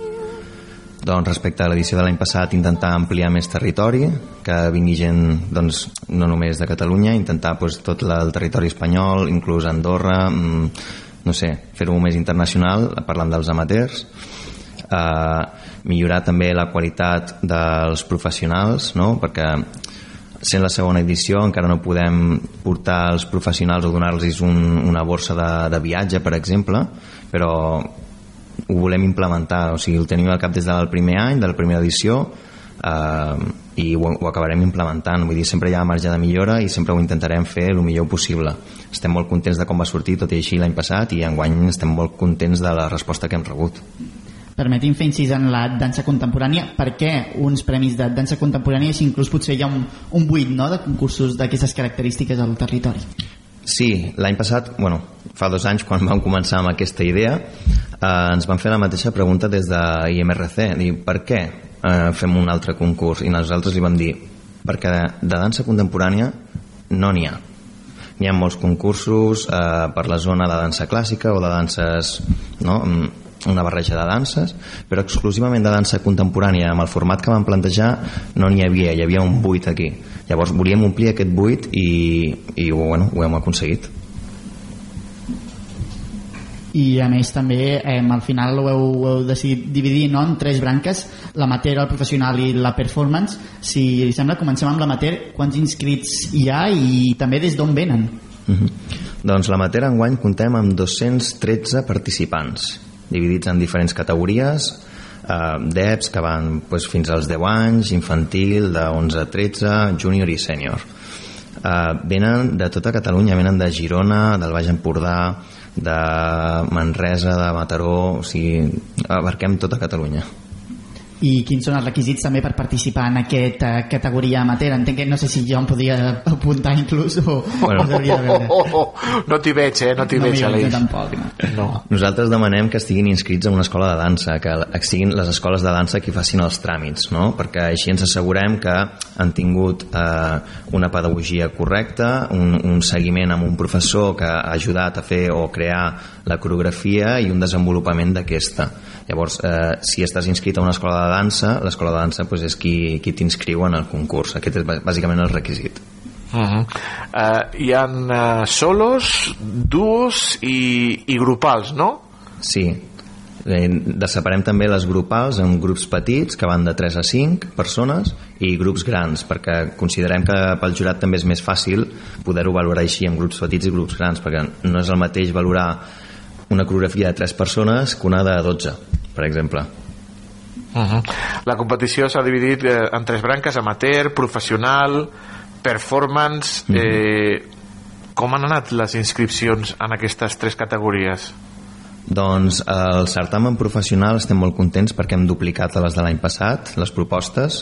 L'any passat en vam tenir, ara no recordo si 11 o 12, enguany hem tingut 25, de les quals demà podreu gaudir de 8 coreografies, perquè sempre fem una preselecció eh, el jurat i els membres de, de l'organització ens seiem, mirem tots els vídeos i, i s'escolleixen vuit coreografies que fan la semifinal i pel que fa al tema de performance estem oberts no només a professionals sinó també a companyies emergents ja que trobem que és interessant que la, les companyies emergents tinguin una oportunitat de poder-ho mostrar.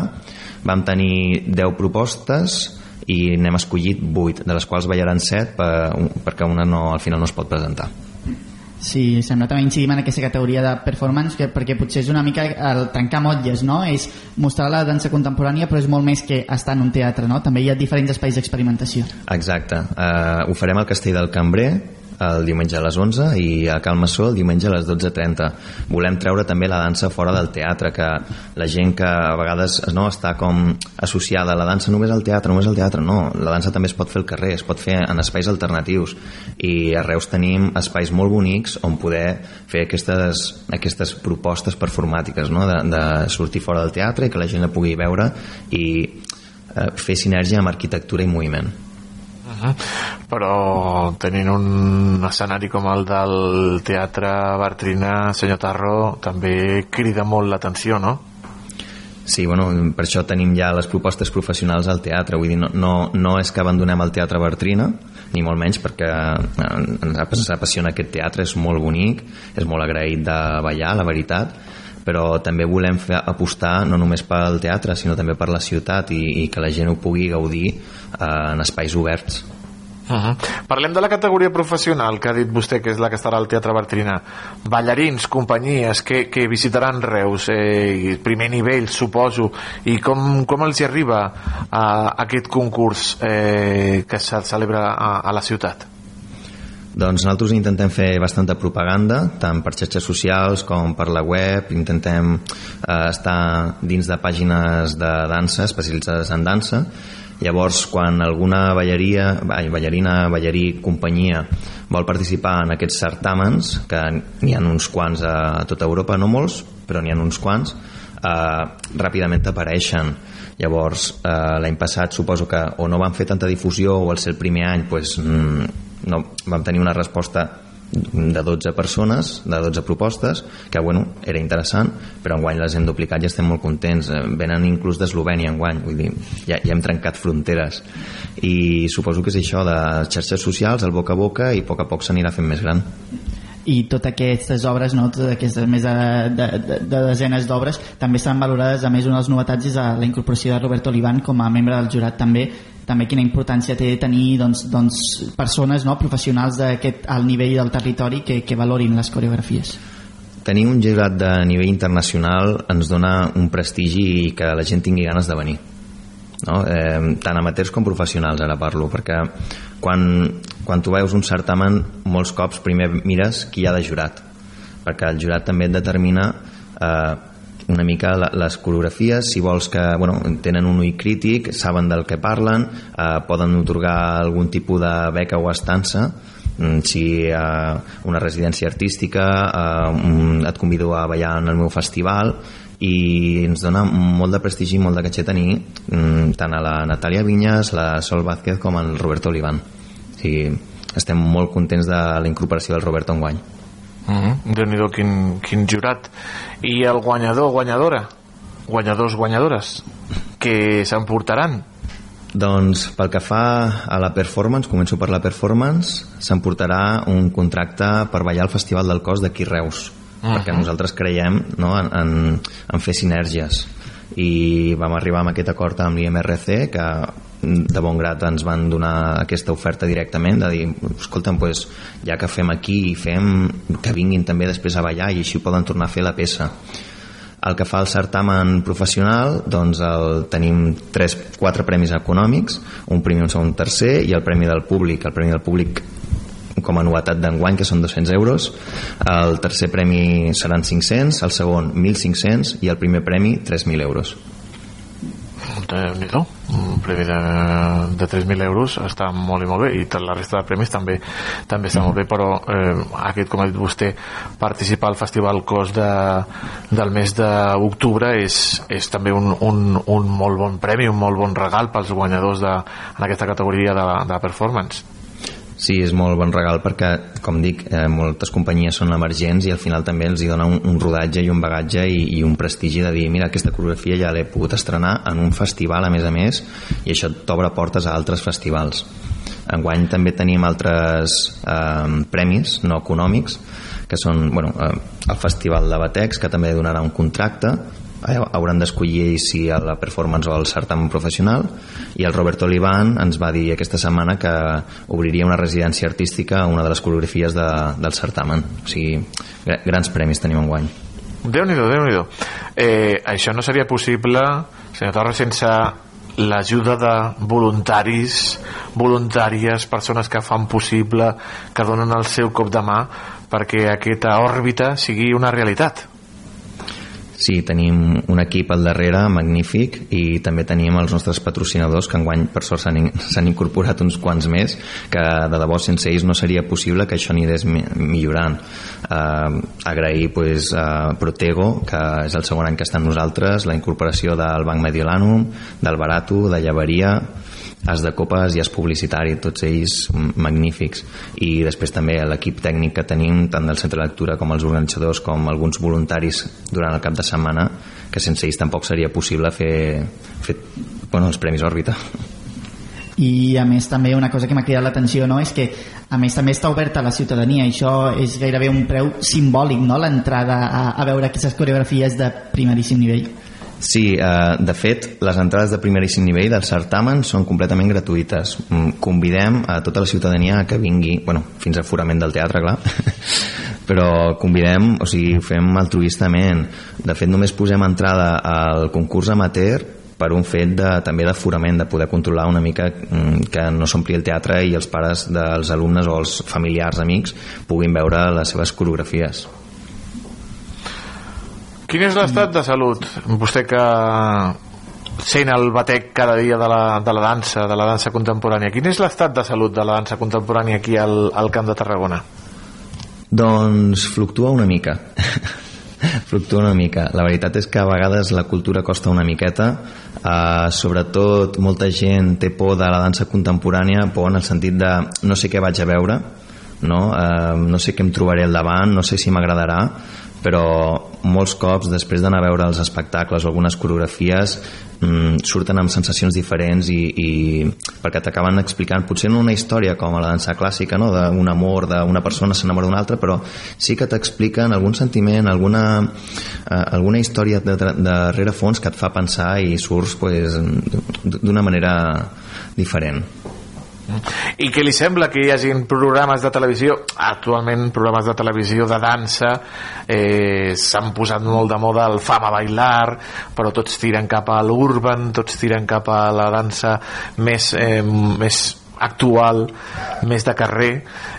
Però, home, eh, aquest tipus de, de programes donen una mica de, donen visibilitat no, al, al món de la dansa Sí, sí, donen molta visibilitat, és important donar visibilitat. Eh, una comparació seria, per exemple, OT, no? que abans de OT, de la primera edició, parlo ara de fa 20 anys, uh, la gent, bueno, sí, ets cantant, vale, ok, vols ser cantant, eh, una acadèmia, però va sortir aquest programa i arrel d'aquest programa es prenen més en sèrio quan la gent diu vull ser cantant. O sigui, trobo que aquest tipus de programes donen suport a um, futures generacions a que puguin tirar cap a aquest camí i no ser jutjats de, de cap manera de dir no, vull fer això, doncs endavant, tira, perquè hem vist que, que es pot fer. Doncs ja ho saben, amics i amigues, aquest cap de setmana tenen una cita imperdible a la ciutat de Reus, al Teatre Bertrina, al Castell del Cambrer i també a Calmassó, eh, per veure, per gaudir de la dansa contemporània per gaudir d'aquest festival Òrbita. Eh, hem parlat amb Héctor Tarro, un dels directors artístics d'aquests Premis Òrbita de dansa contemporània. Mm, la dansa també es diu molta merda, senyor Tarro? Sí, també es diu molta merda. Doncs molta merda, no? Molta merda. Gràcies. Gràcies, fins la propera. Gràcies. Cada tarda de dilluns a divendres fem parada a Carrer Major. En una mansió de les que el temps ha guarnit s'ha trobat arraconat un quadre gegantí molt a prop a un Doncs nosaltres continuem aquí al carrer Major i anem a parlar amb el nostre Da Vinci del segle XXI. una vella inspiració reviu Amb el nostre criminòleg, amb el Jordi Palau, que el saludem. Jordi, bona tarda, com estàs? Molt bona tarda, Toni. Molt bé, gràcies. I tu? Molt bé, molt bé, molt, molt preparat ja que és divendres, ja preparadíssim pel cap de setmana. doncs sí, sí, ja, ja, ja se te'n sé. Escolta, Jordi, avui anem a parlar d'un tema que t'agrada molt, que domines molt, com són les MMAs, que molta gent dirà, què és això Sí. de la MMA? I, i, i, i què, què, què és la MMA? És un nom en anglès, és l'acrònim de Arts Marcials Mixtes. Mixed Martial Arts, en anglès. En català seria Arts Marcials Mixtes. Com si féssim al revés, no? Llegim al revés, A, MMA. Ah, i, i d'on ve això de les arts marcials mixtes? Perquè nos, nosaltres coneixem les arts marcials eh, el taekwondo, el karate, el judo, eh, mixtes, què vol dir? Una barreja de tot? Doncs és una cosa molt curiosa, perquè l'origen d'això d'aquí és que fa unes dècades enrere tothom presumia que la seva art marcial era la millor, no? Per exemple, els de judo diuen, no, no, el millor és judo, els de taekwondo diuen, no, no, el millor és taekwondo, i els de karate deien, no, no, el millor és karate. Després venien els de boxeo i també diuen, nosaltres, no, no, el millor és el boxeo. I van decidir, eh, pues, provar una cosa que en aquells moments es diu paletudo, com dient, fem una cosa, eh, com que no, cada un ha de competir amb la seva manera, perquè no fem, provem de, de competir entre diferents arts marcials, a veure quina és la millor. Llavors van començar, clar, cada una tenia unes normes, i van fer una cosa que es diu valetudo, que és el dir que tot valia, que era eh, intentar enfrontar-se i que tot valgués, és a dir, que, no hi hagués, que tots els cops fossin permesos. Clar, allò va tindre molt èxit, va ser una barbaritat, eh, hi havia gent que guanyaven, i es va demostrar pues, que, clar, que potser el karate no era tan bo com semblava, i depèn qui l'utilitzés i tal. I això va anar evolucionant fins al moment en què es va federar, es va crear una federació internacional, se va crear les arts marcials mixtes, uh -huh. i és eh, les diferents persones que el que fan és, en comptes d'especialitzar-se només en una art marcial, el que fan és combinar-ne vàries, i llavors se posen amb una gàbia que se'n diu vulgarment, que és com un, com un ring de boxeo, però redó, amb, una, amb, unes, amb unes xarxes, i hi ha un àrbit. I llavors allí diguem que val tot, excepte colpejar els testicles i colpejar a la nuca. Tota la resta val. Luxacions, cops, puntades, cops de puny, etc.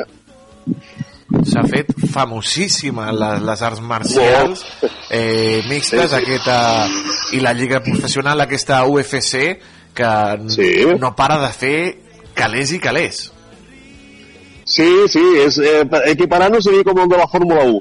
Eh? És a dir, s'ha convertit ja en un èxit mundial on tots els països del món eh, ho coneixen, es fan espectacles, com ja sabeu, aquí a Tarragona se'n va fer un aquest cap de setmana passat, Sí, va sí. vindre un youtuber famós, bueno, s'ha posat molt de moda. Inclús a molts gimnasos ja estan oferint ara les, les MMA, és a dir, una combinació de diferents arts marcials per després anar a competir, perquè hi ha gent inclús que guanyen diners a això, guanyant combats. O Tot i la perillositat, que és la següent part que parlarem. Sí, sí, i tant, i tant. O sigui, que ja hi ha gimnasos en les que t'ensenyen sí. MMA, però que és una barreja de tot, eh, eh, de karate, de jiu-jitsu, de, de sí. lluita brasilera... Bueno, és una barreja de tot. Sí, sí, diguem que eh, el que passava amb les arts marcials és que, clar, eh, les arts marcials originàries del Japó, d'Okinawa, pues, provenien de l'exèrcit, per exemple, el taekwondo estava pensat per tirar, per exemple, una persona d'un cavall, no? Aixecaves la cama, tiraves una persona d'un cavall, li donaves una puntada i la feies caure. El karate era el cos a cos, el judo era també un cos a cos, no? Llavors, ara avui en dia el que fan és, eh, jo per exemple ho he practicat MMA, ho he practicat uns quants anys, i la idea és que, eh, que tinguis la capacitat de defensar-te tant si estàs de peu com si estàs tombat al terra, que és el famós jiu-jitsu brasileny que també s'ha posat molt de moda, on molta gent utilitza el jiu-jitsu brasileny, vale? juntament amb una mica de boxeo, eh, boxe, millor dit, i alguna mica més d'alguna altra cosa, com per exemple kickboxing, i clar, ja és una MMA. Al moment que combines dos arts marcials, ja és una art marcial mixta. Clar, ja combines dos. Dos o més. En fiques tres, quatre o cinc.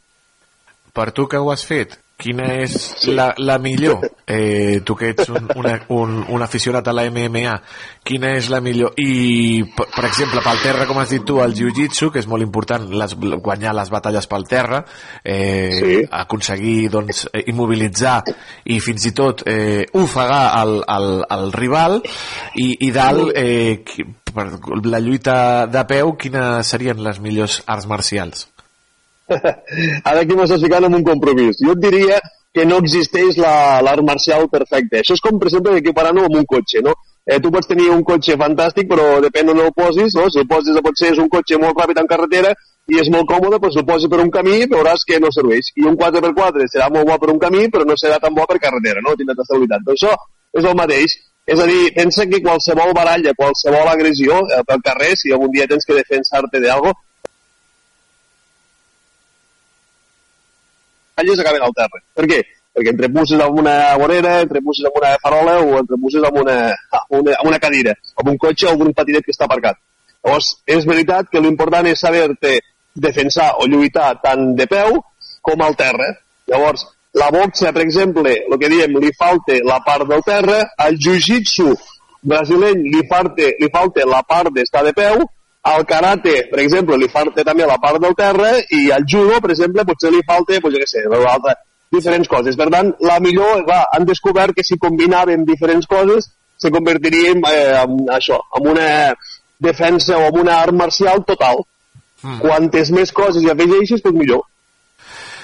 Anem a parlar de la part negativa, Jordi. Quina és la part negativa de les eh, arts marcials mixtes?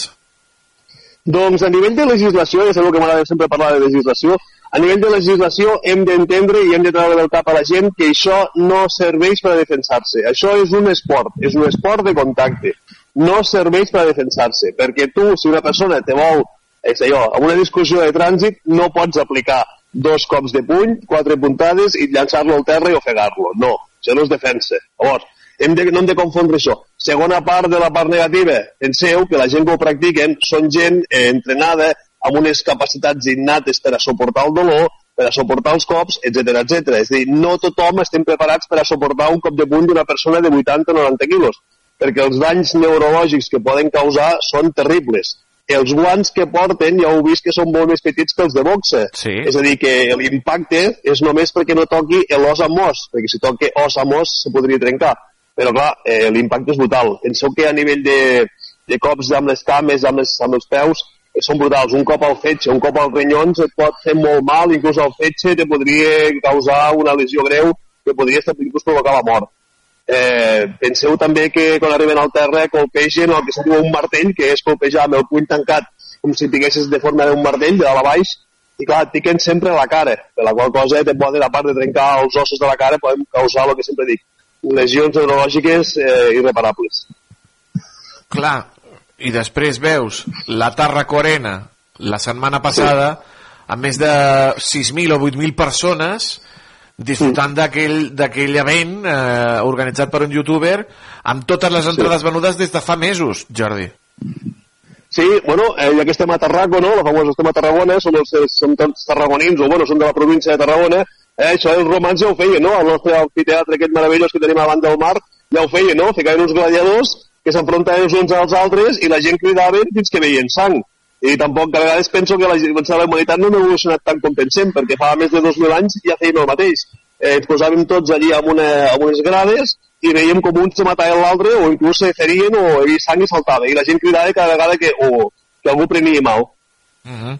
Com ha dit el Jordi, no confondre uh, el que és l'esport amb, amb la defensa, no? És, és importantíssim, no?, la, aquesta, aquesta part de, de la legislació, perquè eh, si discuteixes amb una persona que és experta en MMAs, eh, ja, ja has begut oli, no? Sí. Exacte. Hem de vigilar moltíssim perquè avui en dia la gent no coneix la legislació, se pensa que defensar-se és fer mal al contrari i recordeu que la Constitució espanyola i eh, contempla legítima defensa com defensar-se és no causar més mal del que volem evitar.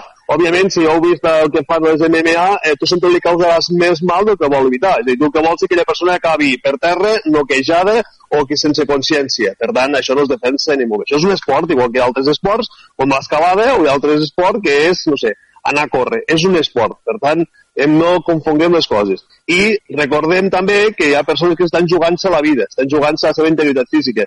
Si realment s'ha posat de moda, hem de pensar també que estem potser potenciant de que hi ha gent jove que això d'aquí voldran després ser experts en MMA jugant-se la vida i jugant-se la seva capacitat cognitiva o, bueno, això, perdre el coneixement o tindre alguna lesió eh, craneal o neurològica de per vida i quedar com un vegetal. Uh -huh. Molt de compte amb això. I finalment, Jordi, eh, sí. dissabte, Ilia Topuria o Volkanov? Aviam, jo no em puc pronunciar tampoc perquè els dos són molt bons, s'ha de reconèixer que Ilia Topuria té una progressió brutal, és a dir, està, i ara mateix Ilia Topuria, diguem que va en progressió ascendent i el Volkanov potser ja estaria, ja ha arribat al seu màxim, però clar, eh, l'experiència també és un grau, eh? per tant sí. ho tindrà difícil, ho tindrà difícil eh, l'Ilia. El que passa que, clar, la, les ganes hi són més per l'Ilia que pel Volkanov, no? És més, és més fàcil intentar aconseguir el títol que defensar-lo. Bueno, i el Volkanov ja ve de perdre fa, fa poquet que li van fotre una patada al cap que el va deixar mirant les estrelles. No és el que diem, potser ja ve, ja ve tocat de casa, clar. Eh, L'altre ve amb moltes ganes. També penseu que hi ha una part d'espectacle en tot això, el que diem Va, sempre. És a dir, si us fixeu, ja portem parlant de l'Uia Topuria un mes i mig o dos mesos, ja portem parlant d'aquest combat. No, no, Clar, i, eh... tant, i tant, i està la cosa, i, i els passatges, i, i, i veure, sí. i, i diu, i diu eh, que vaig sentir un altre dia una entrevista que deia, pujo 8 quilos, baixo 8 quilos en un dia, en sí. dos dies, baixen i, i pugen. Això, això, tu que has practicat MMA, és possible? Sí, això ho fan a través de l'aigua. Això ho fan a través d'ingerir moltíssima aigua i després estar això, un dia o dos dies sense beure res d'aigua eh, per de esport, clar, l'aigua del nostre cos, penseu que som un 80% d'aigua, llavors juguen molt amb el pes. Eh, poden arribar a aconseguir més pes per a l'hora del pesatge i després treure'l per a poder ser molt més ràpids a l'hora de combatre. Òbviament, jo no he participat mai mai en combats, només he practicat les arts marcials sense arribar a ser ni professional ni tal, però clar, ja està el que diem, són els deportistes d'èlits que posen el seu cos al límit i això, com sempre, passa factura, eh? Després amb els anys acaba passant factura. Bueno, dissabte jo estaré ben atent a altes hores de la matinada des d'Anheim, sí. aquest eh, combat de l'Ilia Topúria que com ha dit el, el Jordi porten dos mesos venent-nos. Sí, sí, sí, sí. estarem ben atents a, a, a The Phone amb aquesta gent que també, que també farà diners sí, eh, que farà, farà molts diners.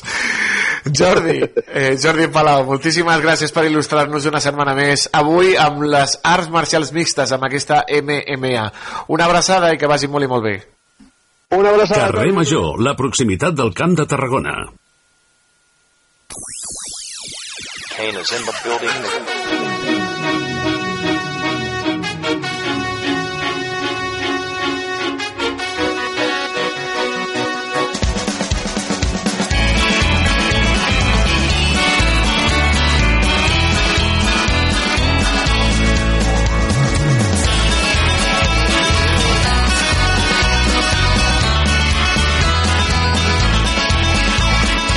Se'ns està colant aquí la sintonia... Bueno, però, però no passa res, no passa, no res. passa res. Antoni Mellado, bona tarda. Algú més, no? Toni, Antoni Mellado? Uh, Antonio. Hola, què tal, com esteu? Bé, bé, eh, eh, estava sonant abans el, el, la música del, que volíem il·lustrar per parlar de les MMAs, perquè hem, hem parlat amb el Jordi, amb el Jordi Palau, el nostre Da Vinci del segle XXI, i eh, continuem nosaltres parlant de eh, MMAs, eh, Antonio. Jo de MMAs he fet un màster aquests dies amb allò que va fer el Jordi Wild aquí al Terra Corena Plaça de Genial. Dogfight no sé què. Però fins ara... Fins, exacte, fins abans no sabia, no en tenia ni idea del que era, Toni Mateos. Bueno, pues aquí està l'Antonio per il·lustrar-nos. Ara té un guió fantàstic. Sí, i tant. Per què? Per què parlem d'això? Doncs perquè Alexander Volkanovski i Ilya Tupuria s'enfrontaran el dissabte en la baralla principal de la UFC 298, aquesta United Fighting Championship, en la que el títol de pes ploma de l'australià estarà en joc, el de l'Alexander Volkanovski. Aquest 17 de febrer, a l'Onda Center d'Anaheim, als Estats Units, famós per ser la casa de Mickey Mouse, Anaheim, Volkanovski tornarà a la divisió de les 145 lliures al pes pluma per defensar el seu títol per sisena vegada. The Great està invicta en la divisió i actualment té una ratxa d'11 triomfs consecutius en pes ploma a la UFC, que és la ratxa de victòries actives més llarga de la divisió i la segona més llarga de tots els temps darrere de Max Holloway, que en té 13. Ilia Topuria és un rival que té 14 baralles invicta i 6 d'aquestes victòries les ha aconseguit en UFC. I davant Volkanovski, el lluitador hispa, hispà georgià buscarà convertir-se en el primer campió mundial d'Espanya. En la seva última baralla eh, contra Josh Emmett, el matador, que és com quan es coneixen a Ilya Tupuria, va demostrar que la seva carrera està a l'alçada de les millors de la divisió en el seu primer esdeveniment principal de la UFC. Les grans habilitats amb les quals compten tots dos lluitadors fa difícil predir un guanyador eh, en aquest combat per la qual cosa es pot esperar qualsevol eh, cosa que succeeixi en l'octàgon, però nosaltres apostem per Ilya Tupuria, sempre, sempre, sempre. Volkanovski té 35 anys i ho ha aconseguit tot a la UFC, però ve de perdre el seu darrer combat per KO. Menys mal que no estava el títol en joc, eh? Tupuria, per altra banda, té 27 anys i és jove, ambiciós i té encara molt per demostrar. Tots dos arriben en un estat de forma, això sí, excel·lent, però Tupuria sembla més mentalment més preparat per la victòria. Però anem amb els números. Vinga, va. Aleix, que ja saps que ens agrada aquí els tonis. Eh? Quan creus que guanyarà cada lluitador, Aleix? Home, més de 10 dòlars segur. I jo crec que milions? Al- Alguns milions, no? O no? Mm. Mira, per la seva participació en la batalla, Volkanovski s'embutxacarà un milió 42.000 dòlars. Mare meva, sí, jo dividits. també em pego. Jo també em pego per un milió. bueno, però, Home, a veure, jo no sé molt- si a donaries tant espectacle, eh? No, Però es peguen fort, eh, l'MMA, que no és una cosa... No és una cosa que, que és un milió d'euros de dòlars, Posaria a però... córrer durant, donant voltes per l'octàgon així, que no m'enganxi. Sí, sí, ja pots córrer, ja pots córrer. Un milió 42.000 dòlars, un milió de salari base i 42.000 en incentius. Dona igual el resultat, ell s'emportarà aquests diners. No està gens malament. Per la seva banda, el matador Ilya Tupuria guanyarà 532.000 dòlars, amb un salari de mig milió de dòlars i un incentiu de 32.000, que tampoc està gens malament, tu. I quan serà la cita? Doncs la matinada de dissabte a diumenge. Aquí, a l'estat espanyol, es viurà un dels moments més especials en la història d'aquest esport. Per primera vegada, un lluitador espanyol, tot i que va néixer a Georgia però viu a Alicante des dels 15 anys, es pot proclamar campió de la UFC. A les 6 de la matinada. Bé, és una bona hora. T'aixeques, la-. La... O vens de festa. Exacte, si és la matinada de dissabte a diumenge, et pot agafar venint de festa, Toni. Ens Eh, pot agafar venint. A vosaltres, que sou joves. A mi sí, Ah, jo doncs, surto sí, aquest dissabte, o sigui que potser un xurros, no? I... Xurros i, i UFC. El lluitador té per davant un gran repte de ser el primer atleta tant de Geòrgia com d'Espanya per, eh, per proclamar-se campió del món dins d'aquest gran univers. Malgrat la confiança que ha demostrat en les setmanes i mesos previs a la batalla, no tindrà fàcil perquè Volkanovski serà el rival més dur al qual s'hagi enfrontat mai. Encara que és difícil estimar quants diners ha guanyat Ilia Topuri al llarg de la seva carrera a la UFC, sí que podem afirmar que és el lluitador que ha trigat molt pocs anys a fer una autèntica fortuna, i aquesta promet anar creixent exponencialment en els pròxims anys, sobretot si guanya en unes hores a Volkanovski. En poc més de tres temporades, la seva fortuna, arran dels seus guanys esportius, se situa, se situa a prop del milió i mig d'euros.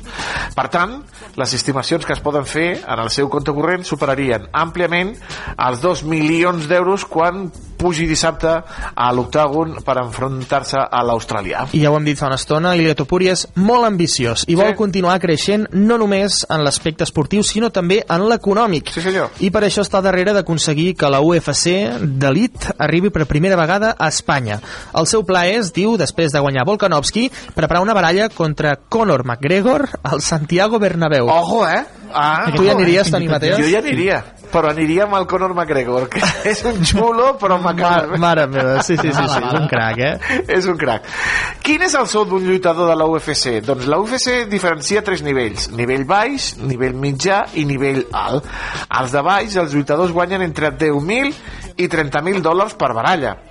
Els nous generalment obtenen el contracte de nivell més baix quan signen amb l'UFC, però després d'algunes victòries i aconseguir certa reputació dins del, de l'octògon, doncs s'assigna un millor contracte cap a un nivell mitjà que oscil·la entre els 80.000 i els 250.000 dòlars per baralla. Per donar una perspectiva de la quantitat de diners que ha arribat a moure la UFC, el lluitador, el lluitador irlandès Conor McGregor va ser l'esportista més ben pagat de 2021. Ojo!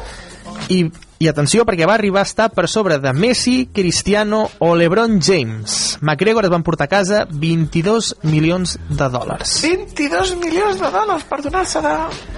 Com qui no vol la cosa, tu? Ah, però quan costa una entrada per anar a veure la UFC? Bona pregunta, Toni Mateos, Ja no, il·lustra'ns. ja no en queden, ja no en queden a, a Anaheim. Vaja. Però les entrades més econòmiques de l'Honda Center valen 355 dòlars. Són les que estan molt lluny de la gàbia, molt lluny de la gàbia, en el galliner i a les cantonades. Si vols, en la mateixa zona, però ben situades en el centre, augmenta fins als 376 euros. I les de major visibilitat arriben als 675 euros. Uf, però està ben lluny això dels preus eh, si vols estar allà a primera fila. Ah, eh? Aquests són els considerats els tiquets assequibles, podríem dir, eh? Però si baixem a la següent graderia, els preus ja comencen a oscil·lar entre els 637, sis- 673 euros, 1.650 i 1.950. Si us sembla poc, la zona del ring té els seients més cars. És on millor es veurà la batalla i d'on estaran totes les superestrelles de l'esport, també s'ha de dir, eh? Les entrades en aquesta zona van dels, des dels 3.305 dòlars, uns 3.070 euros, als 6.500, que és poc més de 6.000 euros. Un somni que podran complir tan, po tan sols uns pocs afortunats. I la UFC va ser eh, va generar molts diners al 2022 eh, més que la boxa i, i que d'altres esports de contacte junts al 2023 va aconseguir 387 milions de dòlars en guanys els lluitadors només van obtenir un 13% d'aquests 387 milions de dòlars. Qui se'ls van portar? Doncs els promotors. Els També promotors. tenen, tenen com un Vince McMahon, aquests, o què? Aquests tenen el senyor aquell que... Ah, no! El, el que... Ah. Home, No me'n recordo com es diu el paio aquest, però... Doncs aquest també s'emportarà una, No, una home, catalada, no, per I això? aquest paio estava viatjant per tot el món. Ara a Anaheim, ara al Santiago Bernabéu, ara i aquell de fer... Ah, McGregor! Carrer Major, la proximitat del Camp de Tarragona. Adéu, adéu. Doncs adéu, adéu. Uh, això, ens, ens estan convidant a marxar. Ens estan convidant a marxar. Doncs Toni, marxo pitant. Adéu, Bon Antonio. cap de setmana. Adéu, adéu.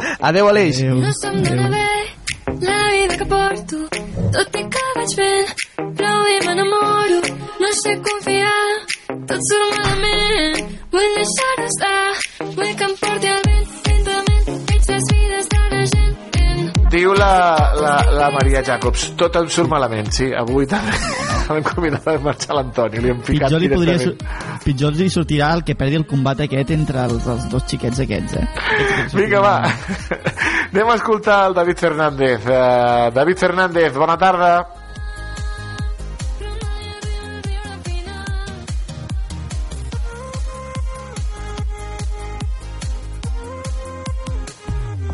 No vol parlar el David? David, no. Crec que avui... No sé. L'has fet algú tu, Toni? No li he fet res, t'ho prometo. Jo tampoc. O sigui, jo he parlat amb ell fa una estona, però no, no ha donat indicis de d'estar enfadat amb mi. Espero que, que ens ho perdonin. perquè sí que l'haguem fet. Eh, doncs veurem, veurem si el David Fernández Eh, no vol- sonarà el sí. David, no sonarà el No David. sonarà, eh, doncs- no sonarà el David. Eh, un altre dia Ja escoltarem a la sí, Maria veure. Jacobs. Sí, perquè el David no, no el podem escoltar.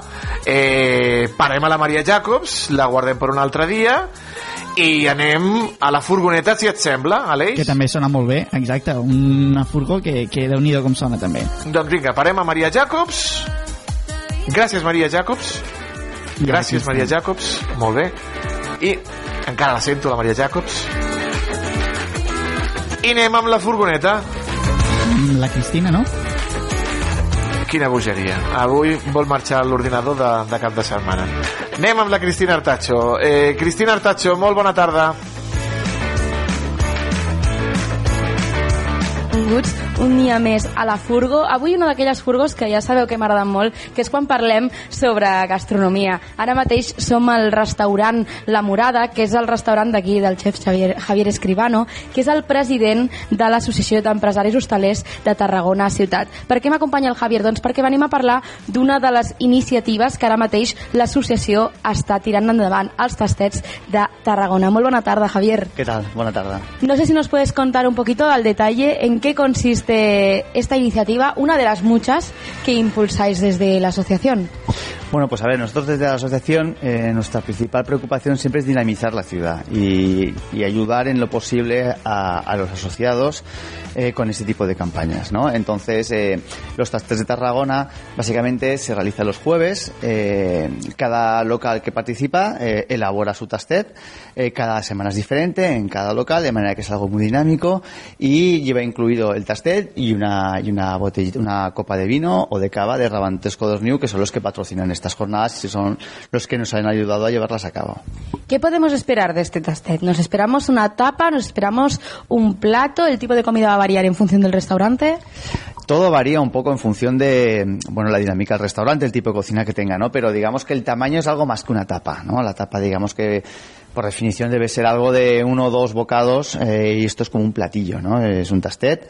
Eh, como su propio nombre indica, es un tastet de, de un plato que podría ser principal y muchos de ellos están en las cartas de los restaurantes a los que vamos y hacen una especie de como de versión reducida o simplemente yo soy de los que opina que esto va muy bien porque también te ayuda a eh, un poco el cerebro cada semana y muchos de ellos han terminado probando algo los tastes que al final han dejado en carta ¿no? entonces es un, un tastet de aquello que, que, podría ir en una carta pero es algo más que una tapa es un poquito más grande Por una parte me comentas que es una forma para los restaurantes de estrujarse del cerebro y proponer algo distinto cada semana, pero también puede haber casos en que a lo mejor el platillo este sea a lo mejor el plato estrella de alguno de, los restaurantes que, participan.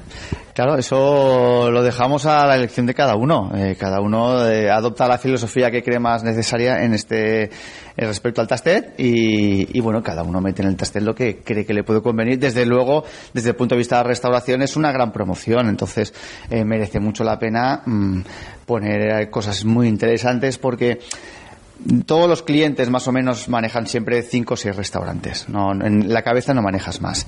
Entonces, esta es una manera de que la gente vaya de sitio en sitio probando tapas diferentes y hay mucha gente que no te conocía que te llega a conocer.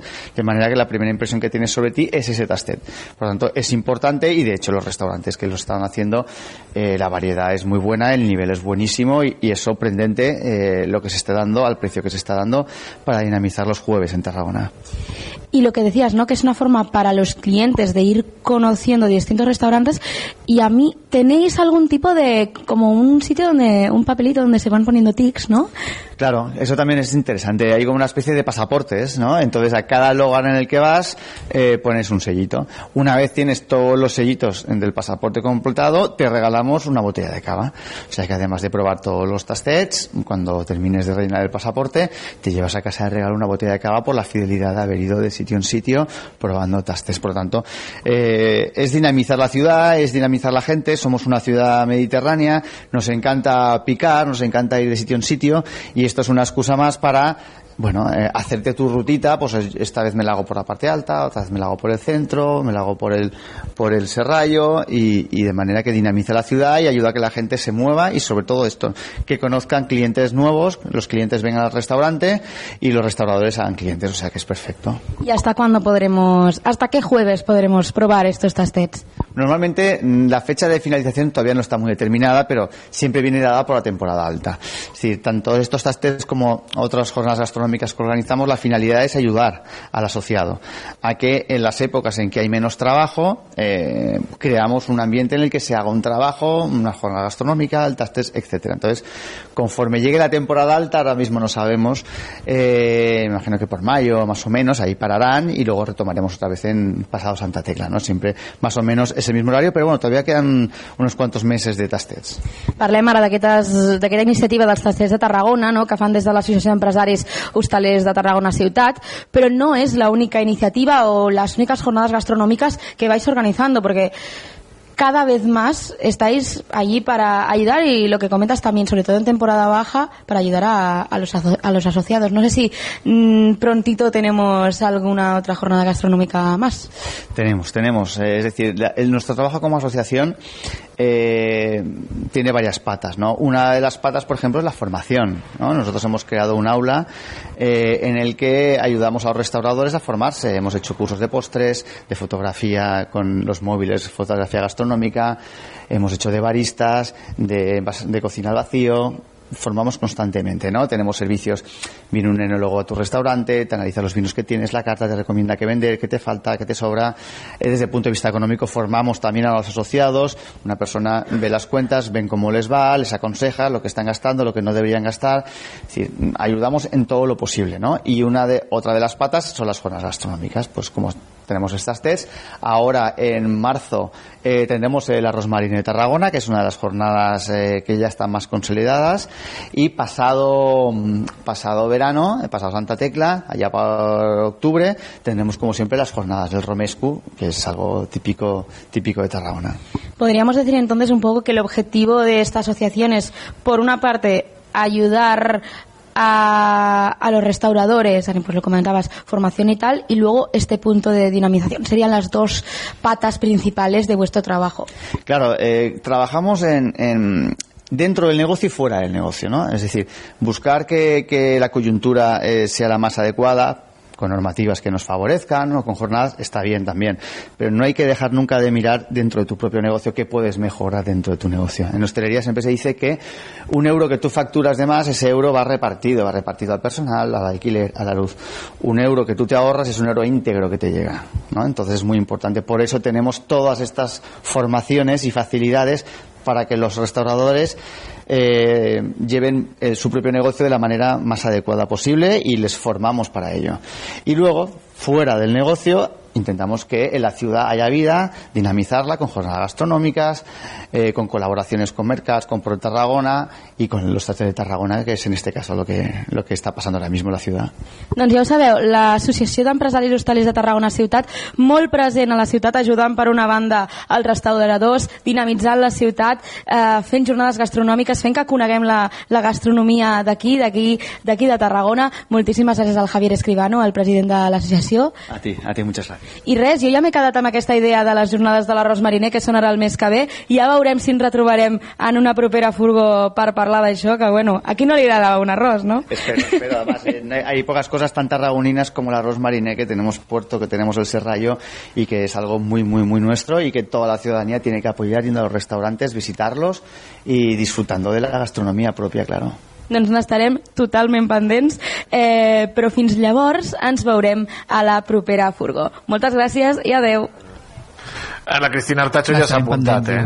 Ja, està, ja se l'ha apuntat, eh? Quina cara, quina cara. Quina cara? pendents. Ell ja estarà pendent. Nosaltres aquí, com sempre, a l'estudi tancats. Aquí a l'estudi tancats. Quina cara! I ha agafat ella l'agenda i ja s'ha apuntat. La... I tant.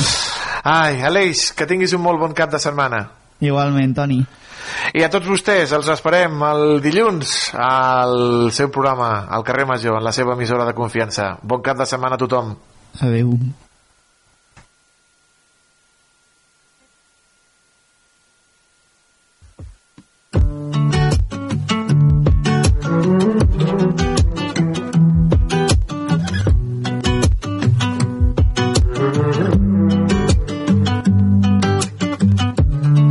Cuánto va a dolerme la verdad. Tampoco sé muy bien si la quiero ir. Sé que en eso hemos basado la amistad. Un día te protejo a ti, tú otro a mí. Siempre logra que vuelva otra vez la fiesta. Y que el mundo frene su velocidad. Con una copa de más como respuesta. A cada mal de amor y a cada pena. Pa' que ya no lloré. Puedo todo el barrio nos mira, bebenlo las horas como si fuera licor. Te doy la mano y corremos, dentro de un rato volvemos, que nadie llame que no respondemos. Puedo ver la vida en color, todo el barrio nos mira, bebenlo las horas como si fuera licor. Te doy la mano y corremos, dentro de un rato volvemos, que nadie llame que no respondemos. Destinado como el mar y la arena. Algo me falta si tú no estás aquí.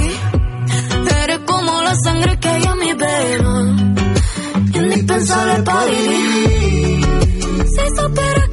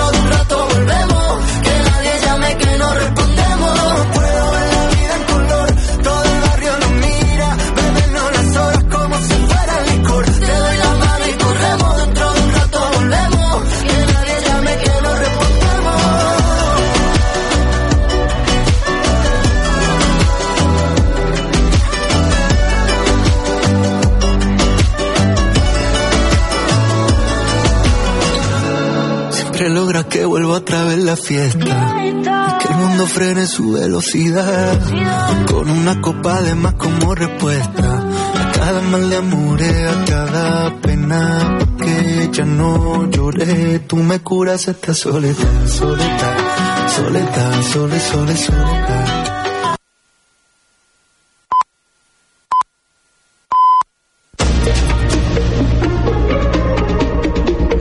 Notícies en xarxa. Bona tarda, són les 6, us parla Mercè Roura. Comencem connect